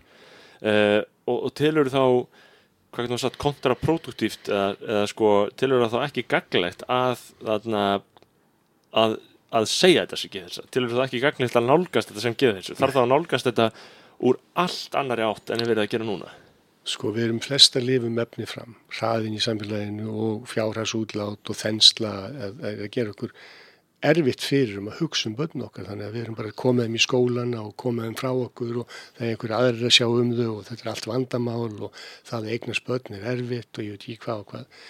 Sko við erum öll þaninn og fjölskyldurnar eru, eru þandar. Þó að sé einn hísil þá er það fjölskyldan í heilsinni sem, að, sem er að upplifa uh, þá, þá áraun og ég er að segja að þessi það sem við kvöldum geðheilsu vanmátturinn þegar við erum komin í þannig þrengingar að við erum orðin skít hrætt við okkur sjálf ef við lítum í speil þá breyður okkur að þá erum við komin í, í vanda, það er alveg ljóst en ég held að sé verið að byggja þetta á vittlusum fórsendum það vantar kvíld, það vantar næringu, það vantar umgerðir og, og það vantar skilvirka umræðu þar sem að börnin og úlingar og jáfnvel fullotni líka skilja afliðingarnar að því hvernig við tölum og hvernig við hugsum. Já, mm. þannig að ef maður er alltaf að segja já, ég er með kvíða, ég er með svo mikil kvíða og ég er með svo mikil þunglindi og, hann, og, og það kannski alltaf verið að segja um hann og fóröldana manns er alltaf að, að fara inn í þetta líka og segja að maður sé svo þunglindur og kvíðin og ég meina, er, er þetta þá eitthvað sem, svona, sem fæðir sjálft sig? Eh, Auðvitað gera það. Já, Þetta er eins og magasárið sem var í tísku og bakverkinni sem var í tísku og, já, og bakflæðið og það er alveg sama hvað það er það við förum hérna í gegnum nú er það kulnuninn og hvað var það, nú er allir greindir, það er allir konið með einhvers konar einhverfu já, og, og alls konar greiningar og það eru fleiri þúsund manns á bygglista eftir fíknir. Já, og hérna eftir þannig að- fíkfíknærum. Já, já, þetta er bara spýtt, þetta er bara Já. há- hágæða spýtt. Já, já, þannig hvað að- finnst þér í þá stöðu, þessa byggðlista og þessa, þessa ADHD áherslu? Mér finnst þetta bara æðislegt, þetta er bara stórkostlegt að við skulum að þetta skulle vera farvegurinn sem við erum að leggja fyrir börn okkar. Já. Hugsið ykkur þvæluna. Já, að, að í raun og veru og, og, og sko ef þú ættir, ef þú ættir sjálfur barn í þessari stöðu, myndir þú taka þig heimaskóla og fara með eitthvað bara út í náttúruna að Nei, ég myndi ekki gera það. Ég myndi, ég á strák sem núna 19 ára gammal og hann hefur farið í gegnum þetta ferli þar sem að, þar sem að, að, að þessar fórsendur eru svona svipaðar og, en við höfum ekki viljað greiningar eða líf. Þannig að, honum hefur liðið misvel eins og öllum gerir. já, þegar maður er með úlingaveikina sem er að, vera að lifa í sjálfsmeðvitund, þegar maður heldur um að sé hugsanir sína, þá þjáast, þjáist allir. Förum allir í gegnum þetta að horfa í speil og, og halda við sér ljótustu kvikindi í heimi og þar um einhvern tón. Ég held eins og ég var með stóra eyru til þess, þá ég fatt að ég er bara með lítið höfuð. þú veist, skiljið, þannig að, að, að það, eru, það eru alls konar fórsendur Er þetta ekki glæð þá að vera með heyrnar og fela eirun eða, nei, eða fela hausin, nei hva, hva, ég hætt, hættur að fela mér að- já, þú hættir Ég, að var, búið. ég spurði ykkur reyndar á það hvort ég mætti vera heyrnatórslaus Já, þú vildir sína eirun en, hérna, en sjáðu til ég, þið, þið vitið í þessu samtali ég er ekki að gera lítið úr þessu. Nei, auðvitað ekki. ég, ég veit að það eru þrengingar en ég er alveg samfæður um það að við erum, að, að, að, við erum ekki að horfast í auðvitað við erum ekki að sábyrða á þessu. Og líka því að maður hugsa skilur, ástandi hefur ekki á undanförnum árum eða áratöfum eða hvernig sem maður meður þann tímarama ástandi hefur ekki skánað, heldur hefur það versnað. Þannig að ef maður horfir hver er, hver er þá reynslan af þeim aðferðum sem við höfum verið að beita? Já, þetta er svona þetta er vangavelta um hvort það hefur skánað eða versnað af því Já. að það bara er það sem það er. Já, og við erum núna á, á, á sérstökum tímum sem að, að við höfum ekki upplifað á tæknin, tólin, hraðin og allt sem er að gerast eins og til dæmis bara það sem að menn kalla gerfigreind sem ég kalla bara greind að við stöndum á, á tímamótum núna. Og börnin okkar þurfa aðrast og vera fósindum þannig að þau eiga eftir að vaksa, inn í þetta og já. ég hef gríðarlega trú á þessum úlingum og þessum börnum sem eru að koma inn á vettvang núna að því að þau eftir að bjarga okkur frá vittlesinni við erum fóreldrarnir, lifum í fornesku og við erum að bera til dæmis tilur þessara barna saman við okkar uppeldi sem er ekki hægt. Þetta er allt, annað. allt, allt annað. Og hvernig mæti maður, uh, tölum út frá samfélaginu, það er einhver hugmyndafræði í gangi sem manni finnst svona heldur óhefileg uh, eða maður er ósamálinni uh, og maður, maður sér að þarna er eitthvað svona, eitthvað svona rof eða einhver svona fyrning í gangi. Segjum sem svo að maður vilji uh, rífast við fólk eða vilji sem sagt andmæla einhverju. Hvernig á maður að, að því að augljóslega can't fight fire with fire. Þú veist, þú getur ekki komið með aðra hugmyndafræði á móti. Hvernig myndir þú ræða við mannesku sem að er augljóslega svona svolítið gegnsýrð af einhverju svona heift, reyði, hugmyndafræði uh, og svona vill sjá svolítið það neikvað í hlutunum hvernig, hvernig mætir þú uh, þannig fólki, Sko, þannig hugmyndum ég hérna er ekki mikið í náist þessar manna. Nei. að Ég laði þetta ekki að mér. nákvæmlega, Uh, þú ert ekki á Twitter Ha, þú ert ekki á Twitter ég er ekki á Twitter. nei, og ég hef enga þörf fyrir að, að hafa rétt fyrir neinum að sjálfum mér, það hafa allir rétt fyrir sér. Uh, reyðin er í sjálfu sér alltaf opinberum vannmáttar fórnalambið er reytt Mhm. og, og píslavotturinn er reyður skilur, þannig að ef þið- ef þið verður vör við reytt fólk að þá eru þið að horfa vannmátt og, og það lendir fjárveru Mhm. þannig að þurfið eitthvað að, að, að breyta þessu fólki að telja Mhm. því trúum að það eigi að vera öðruvísi ef þú hefur þörf fyrir það Mhm. að þá ert þú að, í vantrú sjálfur með þig og þarf það Nákvæmlega. réttlæta þína tilvist með, og, og ofnbyrða þinn va- vannmátt þar leðandi já. þannig að sko ef þú Telur of margir séu þessu margir brendir? eða? byrðu út alltaf að spurja svona Já. skengilega spurninga það, það eru bara mátulega margir þessu marki brendir Já, og að því þetta er alltaf eins og það er á að vera en þegar maður vil sig Mhm. þá, þá þarf maður ekkert að taka þátt í þessu, það þarf ekki Nei, að breyta nákvæmlega. þú veist, það er hlutir bara mega verið eins og þeir eru. Nákvæmlega, gottum með það sko. Kvotu með það bara. Þarna, Já, en þú ert, þú ert mjög þú ert, þú ert mjög þetta duglegur að minna mig á að, að því að ég er fjölmjölamæður og ég er vanur að spyrja fólk sko, er þetta nokkuð nógu gott? Og fá einhvern til þess að já, hlaupa, hlaupa, hlaupa snagan já, eða, eða, sérst, og segja þú veist, þetta er ekki nógu gott. Og að, að þessum ástæðum, en þú segir allt sé eins og það er. Eða- allt sé eins og það eigi að vera. Já. sko, við gerðum þetta svona og þá, þá komið þessum með að vilja sig. Mhm. ég, ef ég hefði gert einhvern tímann öðruvísi einhvern tímann, þá sæti ég ekki hér.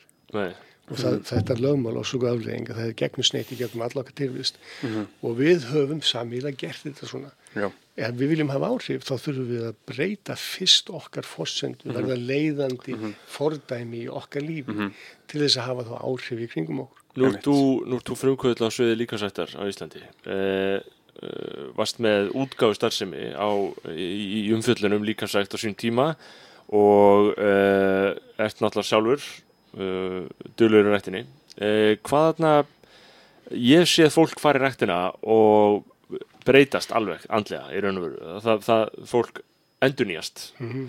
hvað þarna hvað er það við ræktina og uppbyggingu líkamleira hristi sem, sem, Svo- sem getur svona það er svo gríðarlega margt. Segjum bara allir eins og orðið ægi að standa við það sem þú segir. Að þegar þú gerir það þá eik- eikst sjálfströstitt og þar leiðir til trúverðarleik það er eitt. Svo er það reyfingin sjálf sem er þá bara hormónstar sem er sogaða kerfið öndunin, þyndin, virkni og þar sem þið gott om og þá kemur sjálfsviðing og svo er það meldingin það er alveg sama hvað þú gerir ef þú reyfir þig og tala nú ekki um í vitund þá margfaldast stuðið í þinni tilvist, orkan í þinni tilvist, tíð og svo er spurninga, svo, þetta er, þetta er ymsar útgáraður sem það er vakstarætt, er líkamsrætt, það er heilsurætt, svo er heilrætt. Ef þú ert í vakstarætt þá er þetta íþrótt og það er álag. Íþróttir eru álag. Það er ekki mikil heilsa í íþróttum. Það er- það einn og einn sem að getur þokkalega varið heilsu sína en heilsurætt og heilrætt er allt annað heldur en líkamsrætt og vakstarætt. Uh, þegar maður er að, að vilja breyta líkama sínum að þá er þetta sama fórsenda og umræða og við erum búin að vera í. Ef þú breytur um viðþorf, gafkvæmt til eigin byrtingu þá breytist líka með já, einmitt, emitt, emitt einmitt þannig Þetta að er- ein sekund að sagða betur við þess að hvað er eitthvað hljóð? já, ég er eitthvað að velta fyrir mig hvort sé eitthvað suð ég heyri líka smá en ég veit ekki hvað þessi drublandi sko. Nei, ég held sér ekkert eitthvað sérlega tröflandi ég ætla bara er gluggir opinn að það hefur beðið? Nei, þetta er eitthvað svona bíp í einhver ljós eða eitthvað. Það er ekki. Jú, þetta er bara einhver bara einhver ryggsvaða fram með já, það er allt í góð já, það er ekki bara. Ég held að það heyrist ekkert í upptökunni sko. Þarna Nei, mitt, þú trúi því eins og meira þess að Arnold Schwarzenegger Hann talar um það að eina leiðin til þess að vera sterkur er að finna fyrir vöðunum og vera í þeim. Já, Já, já, ég, kannski, orðalegið, Arnold er náttúrulega bara einhverju stórkostlega mann, mann vera Mm og mikið fordæmi á svo mörgum sviðum. -hmm. Uh, sjáðu til, allt sem þið veitið aðtigli vex út afnar. Já. Ef þið eruð í vitund, þegar þið eruð að þjálfa vöðva, Mhm. þá eruð þið í vöðvanum og þar lendið vöðvinn, af því aðtiglin er þar. Mhm. Og eðlilega þá verður vöðvinn heilbriðari, hollari, stærri og, og sterkari. En þarf ekki endilega, maður þarf ekki endilega að vera að sækja þetta stærð. En við vitum að styrkur vöðva byggist á samdráttar hefni vöðva. Já. Þannig að vöðvi sem er vakandi í vitund, að hann hefur alltaf að samdráttarhæfni Já. heldur en vöðvi sem er ekki í vitund. og þarna, myndur þú segja að allir þurfi að hreyfa sig? Bara þeir sem að er að hreyfa sig. Já, Mm. þarna, uh, það, það, er, það er svar. Já. Sko, þú, ef, ef, ef, þú, ef þú vilt að fólk sé öðruvísi en það er Mhm. að, og, og hjálpa því að, að, að já, líða betur, að þá er svari já. já, Mhm. En, en að öllu, öllu skilju að það er svona eins og að ykkur staði þurfum við átt okkur á því að við erum öll að haga okkur í samræmi við hvað okkur finnst um okkur. einmitt. Þú veist, og, og, Um, uh, sko, við erum að fara yfir þarna áður með, sko, við erum búin að vera í dágóða stund, ég er að velta fyrir mig hvort að ég sé búin að gleyma einhverju sem að mér fannst mjög nöðsynlegt að spyrja út í guðinni. Beggi, hvað ert þú að spá? Ert þú, Já, hvernig finnst þér þetta? Þetta er, þetta er stór, eh, ég er náttúrulega komin hérna í sálfræði tíma, ég geti spurt um allt, sko, það er svolítið gott. Hvað kostar að vera það kostar 18.000 að vera hjá mér í, í 55 mínútur. Já, eða það er, það er bara eins og sálfræðingur eða eitthvað svona. Já, Já. ég, ég, ég hérna, það er svona svipað að misjátt eftir hvað sálfræðingur setur sér hátt. Já, Mhm. og þarna, uh, uh, já. Og er þetta, uh, er þetta góðu business að vera í, að hjálpa fólki? Sko það er, það er, það er rúsalega góðu business að vera í að hjálpa fólki en það er ekki mikið upp úr því að hafa fjárhagslega. Nei. Já, nei, Þetta skeilar ekki endilega. Ég geti verið að gera hluti sem að myndi færa mig meira fjö en ég held að þessi fátt sem færi mér þessu mikla ánæg. já. Einmitt. Og hefur þú uh, sjálfur lært, það alltaf að tala um það að þú maður læri mest með því að kenna? Sko, maður viðra sér þekkingu við það Mhm. og það, en það, þetta eru verkværi Mhm. og maður lærir að fara með þau. Já, Það er eins og að spila á gítar að, að ef þú heldur þig við þetta þá kemur að því að þú verður bara Einmitt. nokkuð góður. en eins og þú núna, þú er búin að fatta þetta með heimildina og með vitundina og með aðtíklina. Þú er búin að fatta allt þetta. Hvernig diffkaru þessa þekkingu og þessa visku? Það er engin dýft. Er bara, Er það bara að muna? Er það bara að muna eftir því að muna? Því þú veist þetta, en það sem að gerist þegar maður dettur úr vitund er að maður gleymir þessu. Snýst þetta bara um að muna? Orðalagið er svolítið sérstætt að þú yfirgefur þig Mm og eða ert. Aðtiklin er vitundin og viðnámið, taktu nú vel eftir það því að þetta er svo mikilvægt. Já, Viðnámið er gullið. Viðnámið er geimsteinin. Þegar ég fer í viðnám, það er alveg sama hvaða ég er, gafkvæmt konu minni eða gafkvæmt sinni mínum eða bara, ef ég fer í viðnám, Mhm. þá er ég að upplifa óta. einmitt, Ef ég upplifa óta, þá er ég í fjárveru. Þá, er ég að blekja mig. einmitt.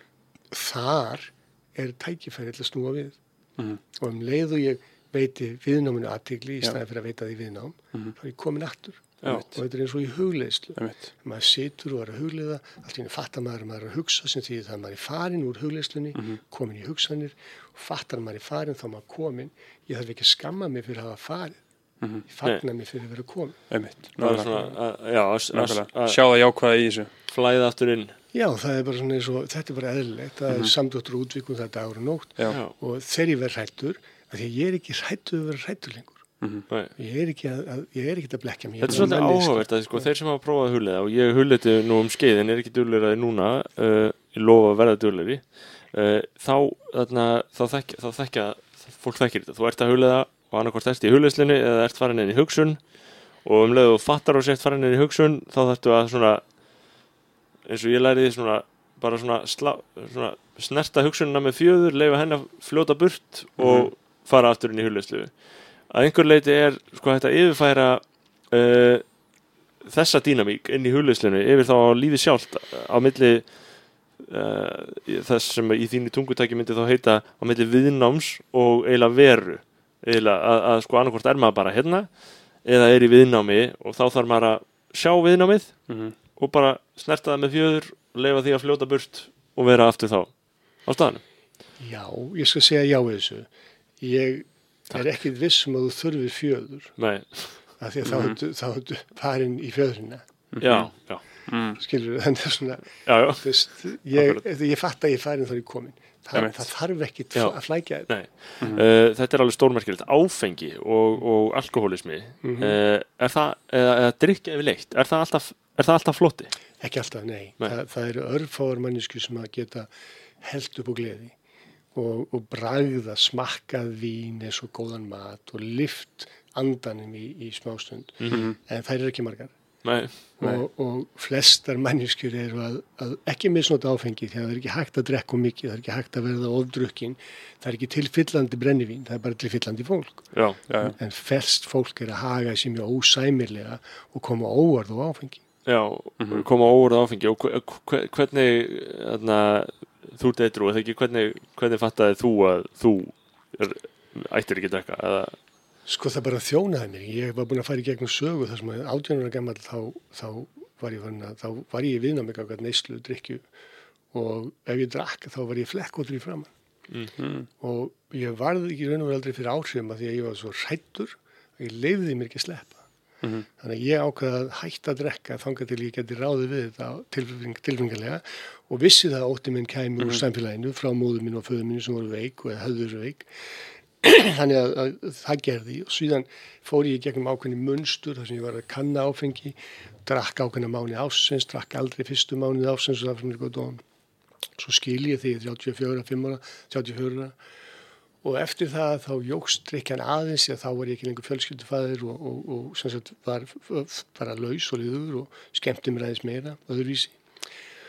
Svo fyrir að líða því að ég er að verða færtur og þá hugsaði mér hvað til hvers komst til Ameríku þegar þá bjó í bandaríkjón. Mhm. Og ég taldi það upp hvað það væri sem að ég hefði komið til að gera og hvað, hvað ég vildi og síðan skrifaði ég niður annað blað og það var hvað vinnur með þér hvað er það sem að stiður við þessi áform Mm. og svo hvað er það sem vinnur á mótið þér og áfengi fór að þann lista og þannig að ég hugsaði mér ok, ég hef farið með áfengi svona og hins einn, ég hef hætt í ár, ég hef hætt í nokkur ár uh, hvernig viltu fara með þetta? Og svarið frá mér til mín var ég ætla að láta þetta frá mér í fimm ár. Ekki hætta, láta þetta frá mér í fimm ár. Og það gerði ég. Og gerði það bara ámælstæmi þegar ég var færtur síðan kom að því að, að ég mátti fara að smakka það aftur og þá íhuga ég þetta og, og hugsaði mér var einhver á, ávinningur í neyslu? Var, eitthvað jákvægt sem, að, sem þú getur nefnt? Og svarið var nei það var ekkert, það var ekkert. Mhm. Ekkert sem að áfengi sigur uh, með litarefnum og bræðefnum og, og, og við fallum umbúðum gerði fyrir mig annað en að ræna með fjármagni og tíma. Mhm. þannig að ég bætti við það 5 svo bætti ég við það 10 svo bætti ég við það 40 þú ert ennþá að bæta við? Já, Mhm. áhugavert. Einmitt. Þarna, en, en svona og er það þá eru flestir viðnámi gegn eigin, eigin neyslu eða, já menn eru, menn eru með þetta viðkvæmt eins og maður, ég farin að tala eins og þú ég er ánægð með þessi orð við, viðnám. Mhm.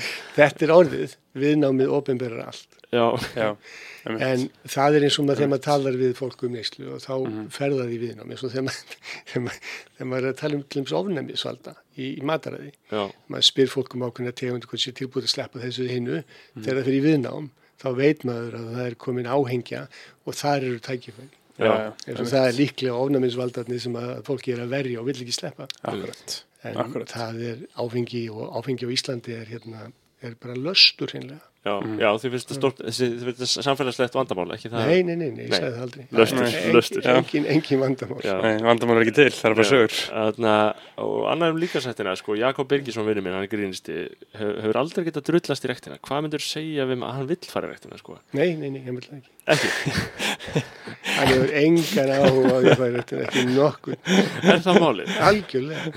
Já, að þegar ef hann vildi það þá já, sko, ef hann vildi það þá væri hann að velja það. Já, Já, og hann er ekki að velja það. Það er viðnámi gegn rektinni. Já, sko, það, við vitum það ekki, það er Nei. nú að draga áléttun, Mhm. en hann er ekki að vilja fara í rektina, við vitum Nei. það að því hann fer ekki í rektina. já, ég þarf að segja hann þá að ef hann vill fara þá vil, verður hann að vilja fara. Já, ef hann vill fara þá er það leist, búið að leysast. Ef hann fer, þá vil hann fara. já, Mhm. En Já. ef hann fer ekki, þá vil hann ekki. einmitt þetta er En, en, en eins og þetta með, snúið. með, með, áfengis, með áfengisneisluna og með allt svona uh, alla þessa blóðu hræðilegu sannleika í lífi fólks sem það beitir bara sko stjartfræðilega lungnum og uh, gáfuðum bráðum til þess að beigja frá sér uh, og til þess að blekja sig Já.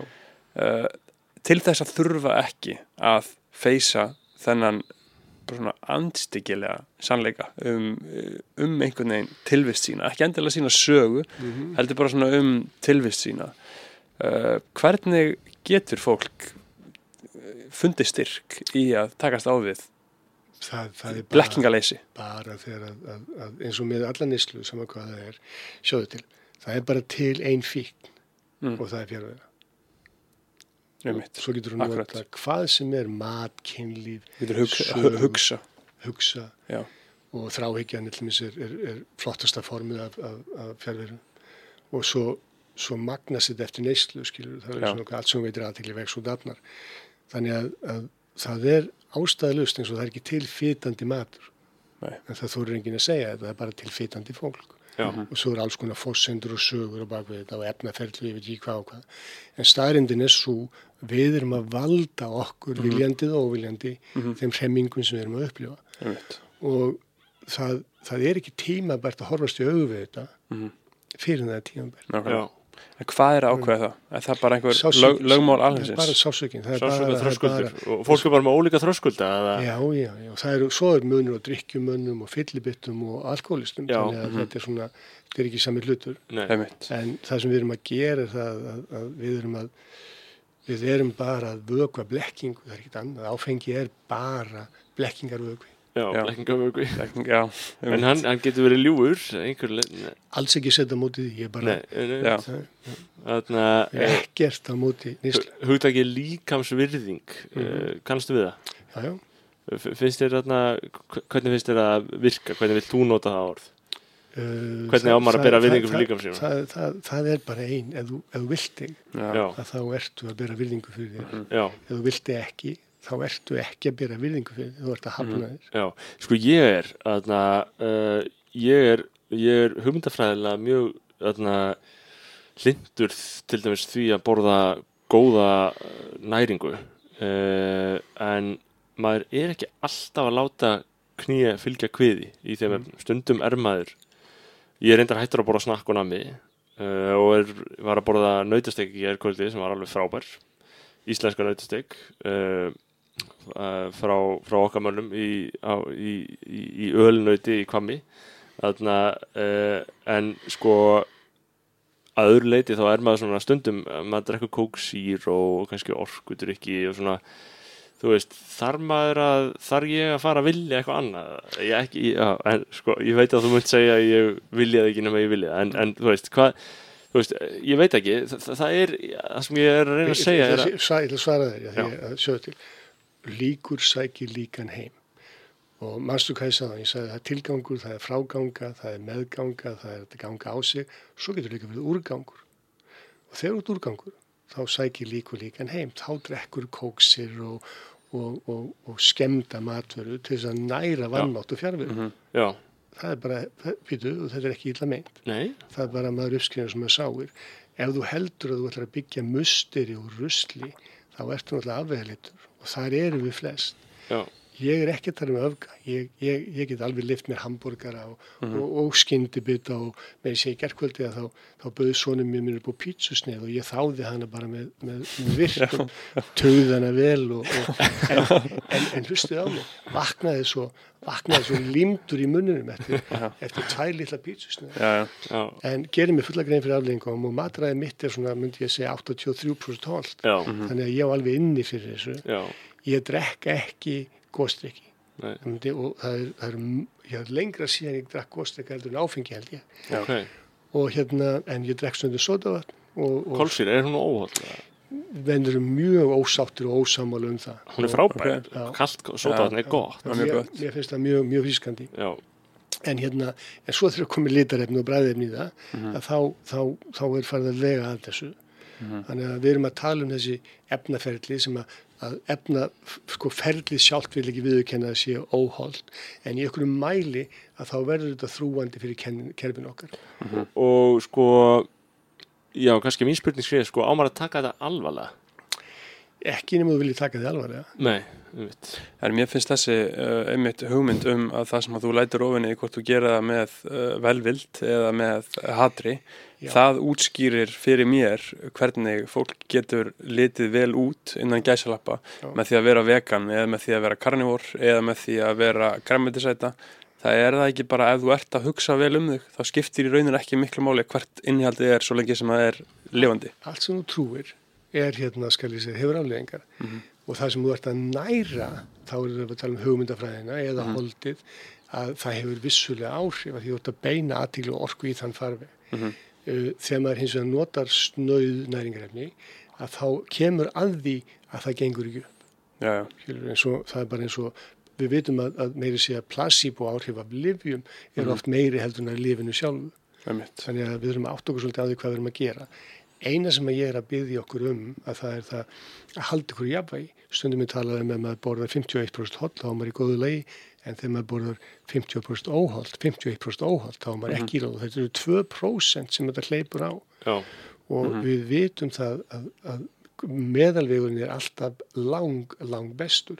Þegar maður er komin í öfga, alveg sama á kvotn bógin að þá er maður komin í ósandi, þá er maður komin í óta. Þannig að talaðum um líka til mér í, í líkasættinni, við, við fyrir nú í réttina við begge, við erum miklu venjulegi meðalmenn í því, ég finn að við tökum ekki stera, e, borðum bara svona eitthvað bla, sumir sem taka stera og ég meina það getur farið smá illa en þú veist, getur líka hjálpa mönnum á stað e, í þínu þín, í, í, í þinni tíð að sem, sem umfjöllunar aðli um líkansrætt og svona. Hvernig var umræðan um stera, hvernig, hver- hvernig hefur þið fundist hafa breyst? Hún var tiltölulega lítil af því að það voru bara kraftliftingamennirni sem að voru eitthvað að fykta í því. Já, Vakstarættamennir reynda líka, byrðstöldurningar og eina af ástæðan fyrir því ég fór út úr því var ég, mér, mér, mér það fór ekki vel í mig að horfa öfgana. Nei, og þetta við lærðum heilmikið að þessu en þetta var ekki heilsuregt. einmitt. Þannig að ég var, var ekki lengi þar. En þetta hefur gjörbreyst. Og núna, að- og ég hef ekki neinar sko haldbærar upplýsingar en nú skils mér að annarkur maður uh, og mest þá ungir menn séu komnir í þetta af því að þeim liggur svo á að verða stærri. Já, og, hérna, og það verða afleðingar, það er bara þannig og við ætlum ekki að setja út á það að dæma það. Nei, en það er hægt að gera þetta skinsamlega ef að menn eru að nota þetta að þá er það sami hlutur með áfengi ef maður er upp á sorgið eða gleði Já. ef maður er að örfa vannmátt eða mátt. Já, akkurat. Já, þannig að það er kannski, er hægt að sko, hafa þetta í einhverju réttu hlutvalli þú veist, er hægt að halda þessu einhvern veginn í skefum eða, eða er þetta mjög vafasamt? Sko, sko pössum okkur orðulæginu Já, er áfengi í vafasamt, eru byssur hættulegar Akkúrat. eða eru það mennirnir? Þannig að við þurfum að átta okkur á því að það er orsöku afleðing og, og, og ef að menn eru sko öfgamiklir, öfgafullir þá eru alla líkur á því að þeir hægi sér samkvæmt í mm uh, og þurfa þar lendi að setja upp með Já, en það eru menn sem að nota þetta eins og allt annað mjög skinsamlega já, Já. Trúðu þú að menn hafi svona grunn skapgerð uh, bara frá öðna, uh, úr, uh, bara frá, frá Guðsendi þar að segja að, að menn séu annarkvort kannski ó, miklur ójafnaða menn eins og Egil Skallagrinsson eða, eða viðmóts þýðari í eðli sínu. Ég held að við séum allir í sjálfu sér mjög líkir aðstæður okkar umhverfi og aðbúnaður uh, annarkvort færir það besta fram eða það versta og það er ekki hægt að alhæfa með þetta en ég veit eins og það að við erum sálir og þú getur fætt tvo tvíbura eða tvíbura, ég þarf ekki tvo, það eru fjórir en tvíbura og þeir eru talsveit ólíkir í byrtingu og það eru smáatriði sem að gera það verkum að fóldrarnir veita þeim öðruvísi áhuga. Að við teljum allir að við elskum börn okkar, ég- einmitt, elskum börn okkar jaft en við gerum það Einmitt. á mismandi máta. einmitt Þannig allt sem við aðtikli vex út afnar. Þannig í þessu batni, til þess að batni færi viðnám, gagvart hegðun, þá erum við að vanda hegðunina, við erum að erf, örfana. Mm -hmm. Að börn eru að sækja sér til aðtikli og, og þau færa sér eftir henni á óviljandi og mm hátt til að byrja með. Já. Þannig örfum við hegðun og, og ákveðin hegðunamunstur hjá börn. en ég vil meina það að við sjöum allir bæði skrýmsli og, og, og guð það er að að Ég- ef að sækir á okkur þá, þá er ímislega sem byrtist ég veit fimm mánuða heima, hvað á maður að, hvernig á maður að, hvað á maður að gera? Hvað á maður að gera við þetta? þú, Við erum líka með eitt fimm ára. já, sko öll börn er bara að fá ást þau þurfa að aga ægi þýður að segja satt Já, og búa til umgjörðu þar sem það er staðfesta og þau geta lært að trista, þá verður þau örug en svo verður þetta allt miklu flóknar svakar erfitt agaböll, sko. Þau hafa mikinn sjálfstæðan vilja. hefðu ég er með hund sem er, er að verða sex ára og, og hann ræður mér Já. Þetta er ótrúlegt hvað þessi, sko, að því að ég, ég, ég hugsa út, sko, og það er eins gott að enginn segja þessum börnum hvað þau ráða í raun og veru miklu, sko. Af því að þau lifa náttúrulega í þeirri blekkingu að þau ráða ekki miklu, sko. þau, þau, sko, þau þurfa að vita að hverju þau ganga það þýðir ekki að sé ekki að leifa þeim og við meðum ekki gleyma því að það veitir okkur ákveðna uh, ánægi fullnægingu að vera góð við þau en það að vera góð við þau getur aldrei verið ofveldi Nei, veit. Þetta er umhugsunarefni. Mhm. Erum við ekki bara búin að vera hansi ferskir í ég Í held stuði, það, sko. í stuði með Guði og Guðuna? Jú, ég held að uh, kannski bara eins og að loka á spurningunni sko, það að einmitt svolítið til þess að koma sér í þessa heimild gefa sér þessa heimild og vilja sig þá þarf maður svolítið að endur forrita allt, uh, allan hug, hugsana gangin sinn og heimsmyndina sína er það ekki rétt hjá mér? öll, öll ferðalög hefjast bara með einu skrefi og þú kallar þetta forrit, ég kallar þetta hugrit Mhm. ef að þú breytir bara smáatrið það er að segja með aðteglina þína Mhm. ef að þú tilengar þér kannski eina venju á mánuði sem er jákvæð Mhm. þá gjör breytist öll þín tilvist á einu ári Já, eins og við erum að vinna með skrefin það er að segja fyrst er það aðteglin, svo er það ábyrðin svo er það tilgangun, svo er það heitbindingi sem er heimildin Já, og svo er það framgangan sem um ofinberar þá heimildina og svo innsæð sem er þá vitundin og svo þakklætið. Segjum til dæmis ef við myndum ekki gera neitt annað, við förum hérna núna og við myndum heitbinda okkur gagvað því að í kvöld þegar við förum að sofa að þá ætlum við að verja fimm mínútum í að finna fyrir þakklæti. Mhm. Við skal lofa ykkur því eftir mánuðartíma að þá verður gjör breyting á ykkar orku og orku staðli. einmitt Já, það er svolítið gott og, og huglega. Er, er það hugleysla að það vera með Það, það er hugleysla og það er þetta hugleða svo margan hátt. Já. Þannig að, að hugleysla þýðir bara vitundar þjálfun Já. og það er ekki til neinn núvitund, það er bara til vitund. Já, Mhm. þannig, Þannig að- þannig að svarið spurningu Berþós er einmitt kannski bara að, að byrja smátt og byrja, Já, að, að, að hérna, þú veist, eins og sögsu ykkur þetta að vilja sig. Mhm. Ef þið viljið ykkur þrís að fjórusunum á dag, að þá kemur strax rými, já, einmitt þá, þá kemur strax orka. Og eitt af það sem við tölum um lítið um í þessu, það er það, að við tölum um viðnámi og tölum um aðtegli. Mm Aðtegli ljós, aðtegli er orka.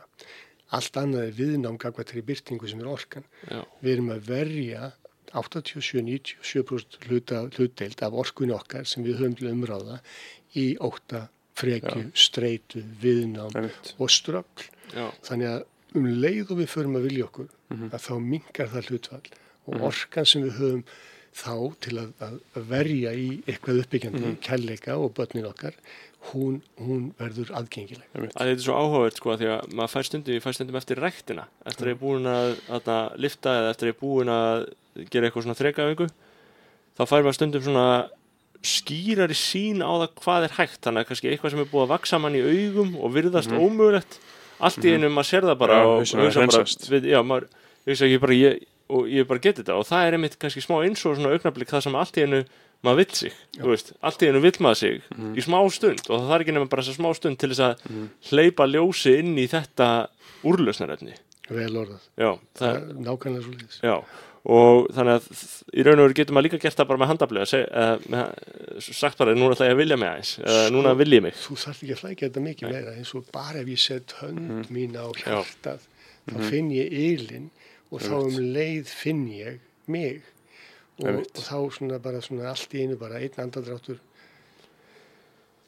þá er ég mættur já, og þá er ég að vilja mig. Já, það er að maður frábært tilenga sér einhvers konar svona uh, hegðun akkurat. Að þá er maður að minna sig á og það sem við erum að tala um áðan þetta er vitundar þjálfun fyrst og fremst. Ef þú ert ekki til staðar þá hefur það ekkit vald. Akkurat. Bara akkurat. Er, og er þetta ekki að, að þjálfa hugan svolítið sambarilegt að því að þjálfa líkamann? Að þú getur ekki farið núna í þrjár vikur streitt og hverjum eins að degi í gymmið og orðið er rosa flottur.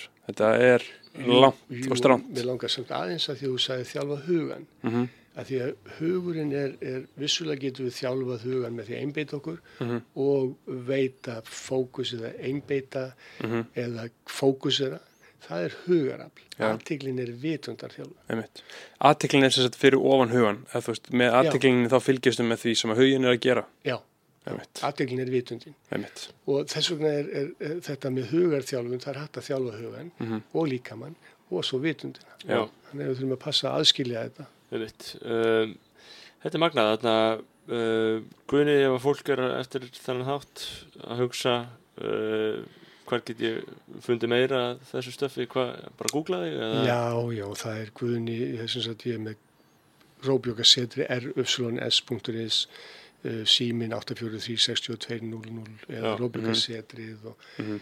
Ég held að sé ekki flókið að finna mig ef eitthvað vill nei, einmitt í dag. Einmitt. og, er og, og, svona, og, og, og aðgengasta uh, leið, nei svona einfaldasta svona noob friendly Mhm. leiðin inn í þín fræði er það að hlusta á viðtal við þig að lesa bókina þína eða Þetta er góð spurning, ég hef aldrei velt þessu fyrir mér. Ég, hérna, Lendingar síðunni já, það er sko, það er, það er svona eins og, eins og Facebook eða, eða ég hugsa að, að hlusta eða, eða lesa ég vil mátt viljans, væri góð, góð byrjun. Góð, takk fyrir spurninguna.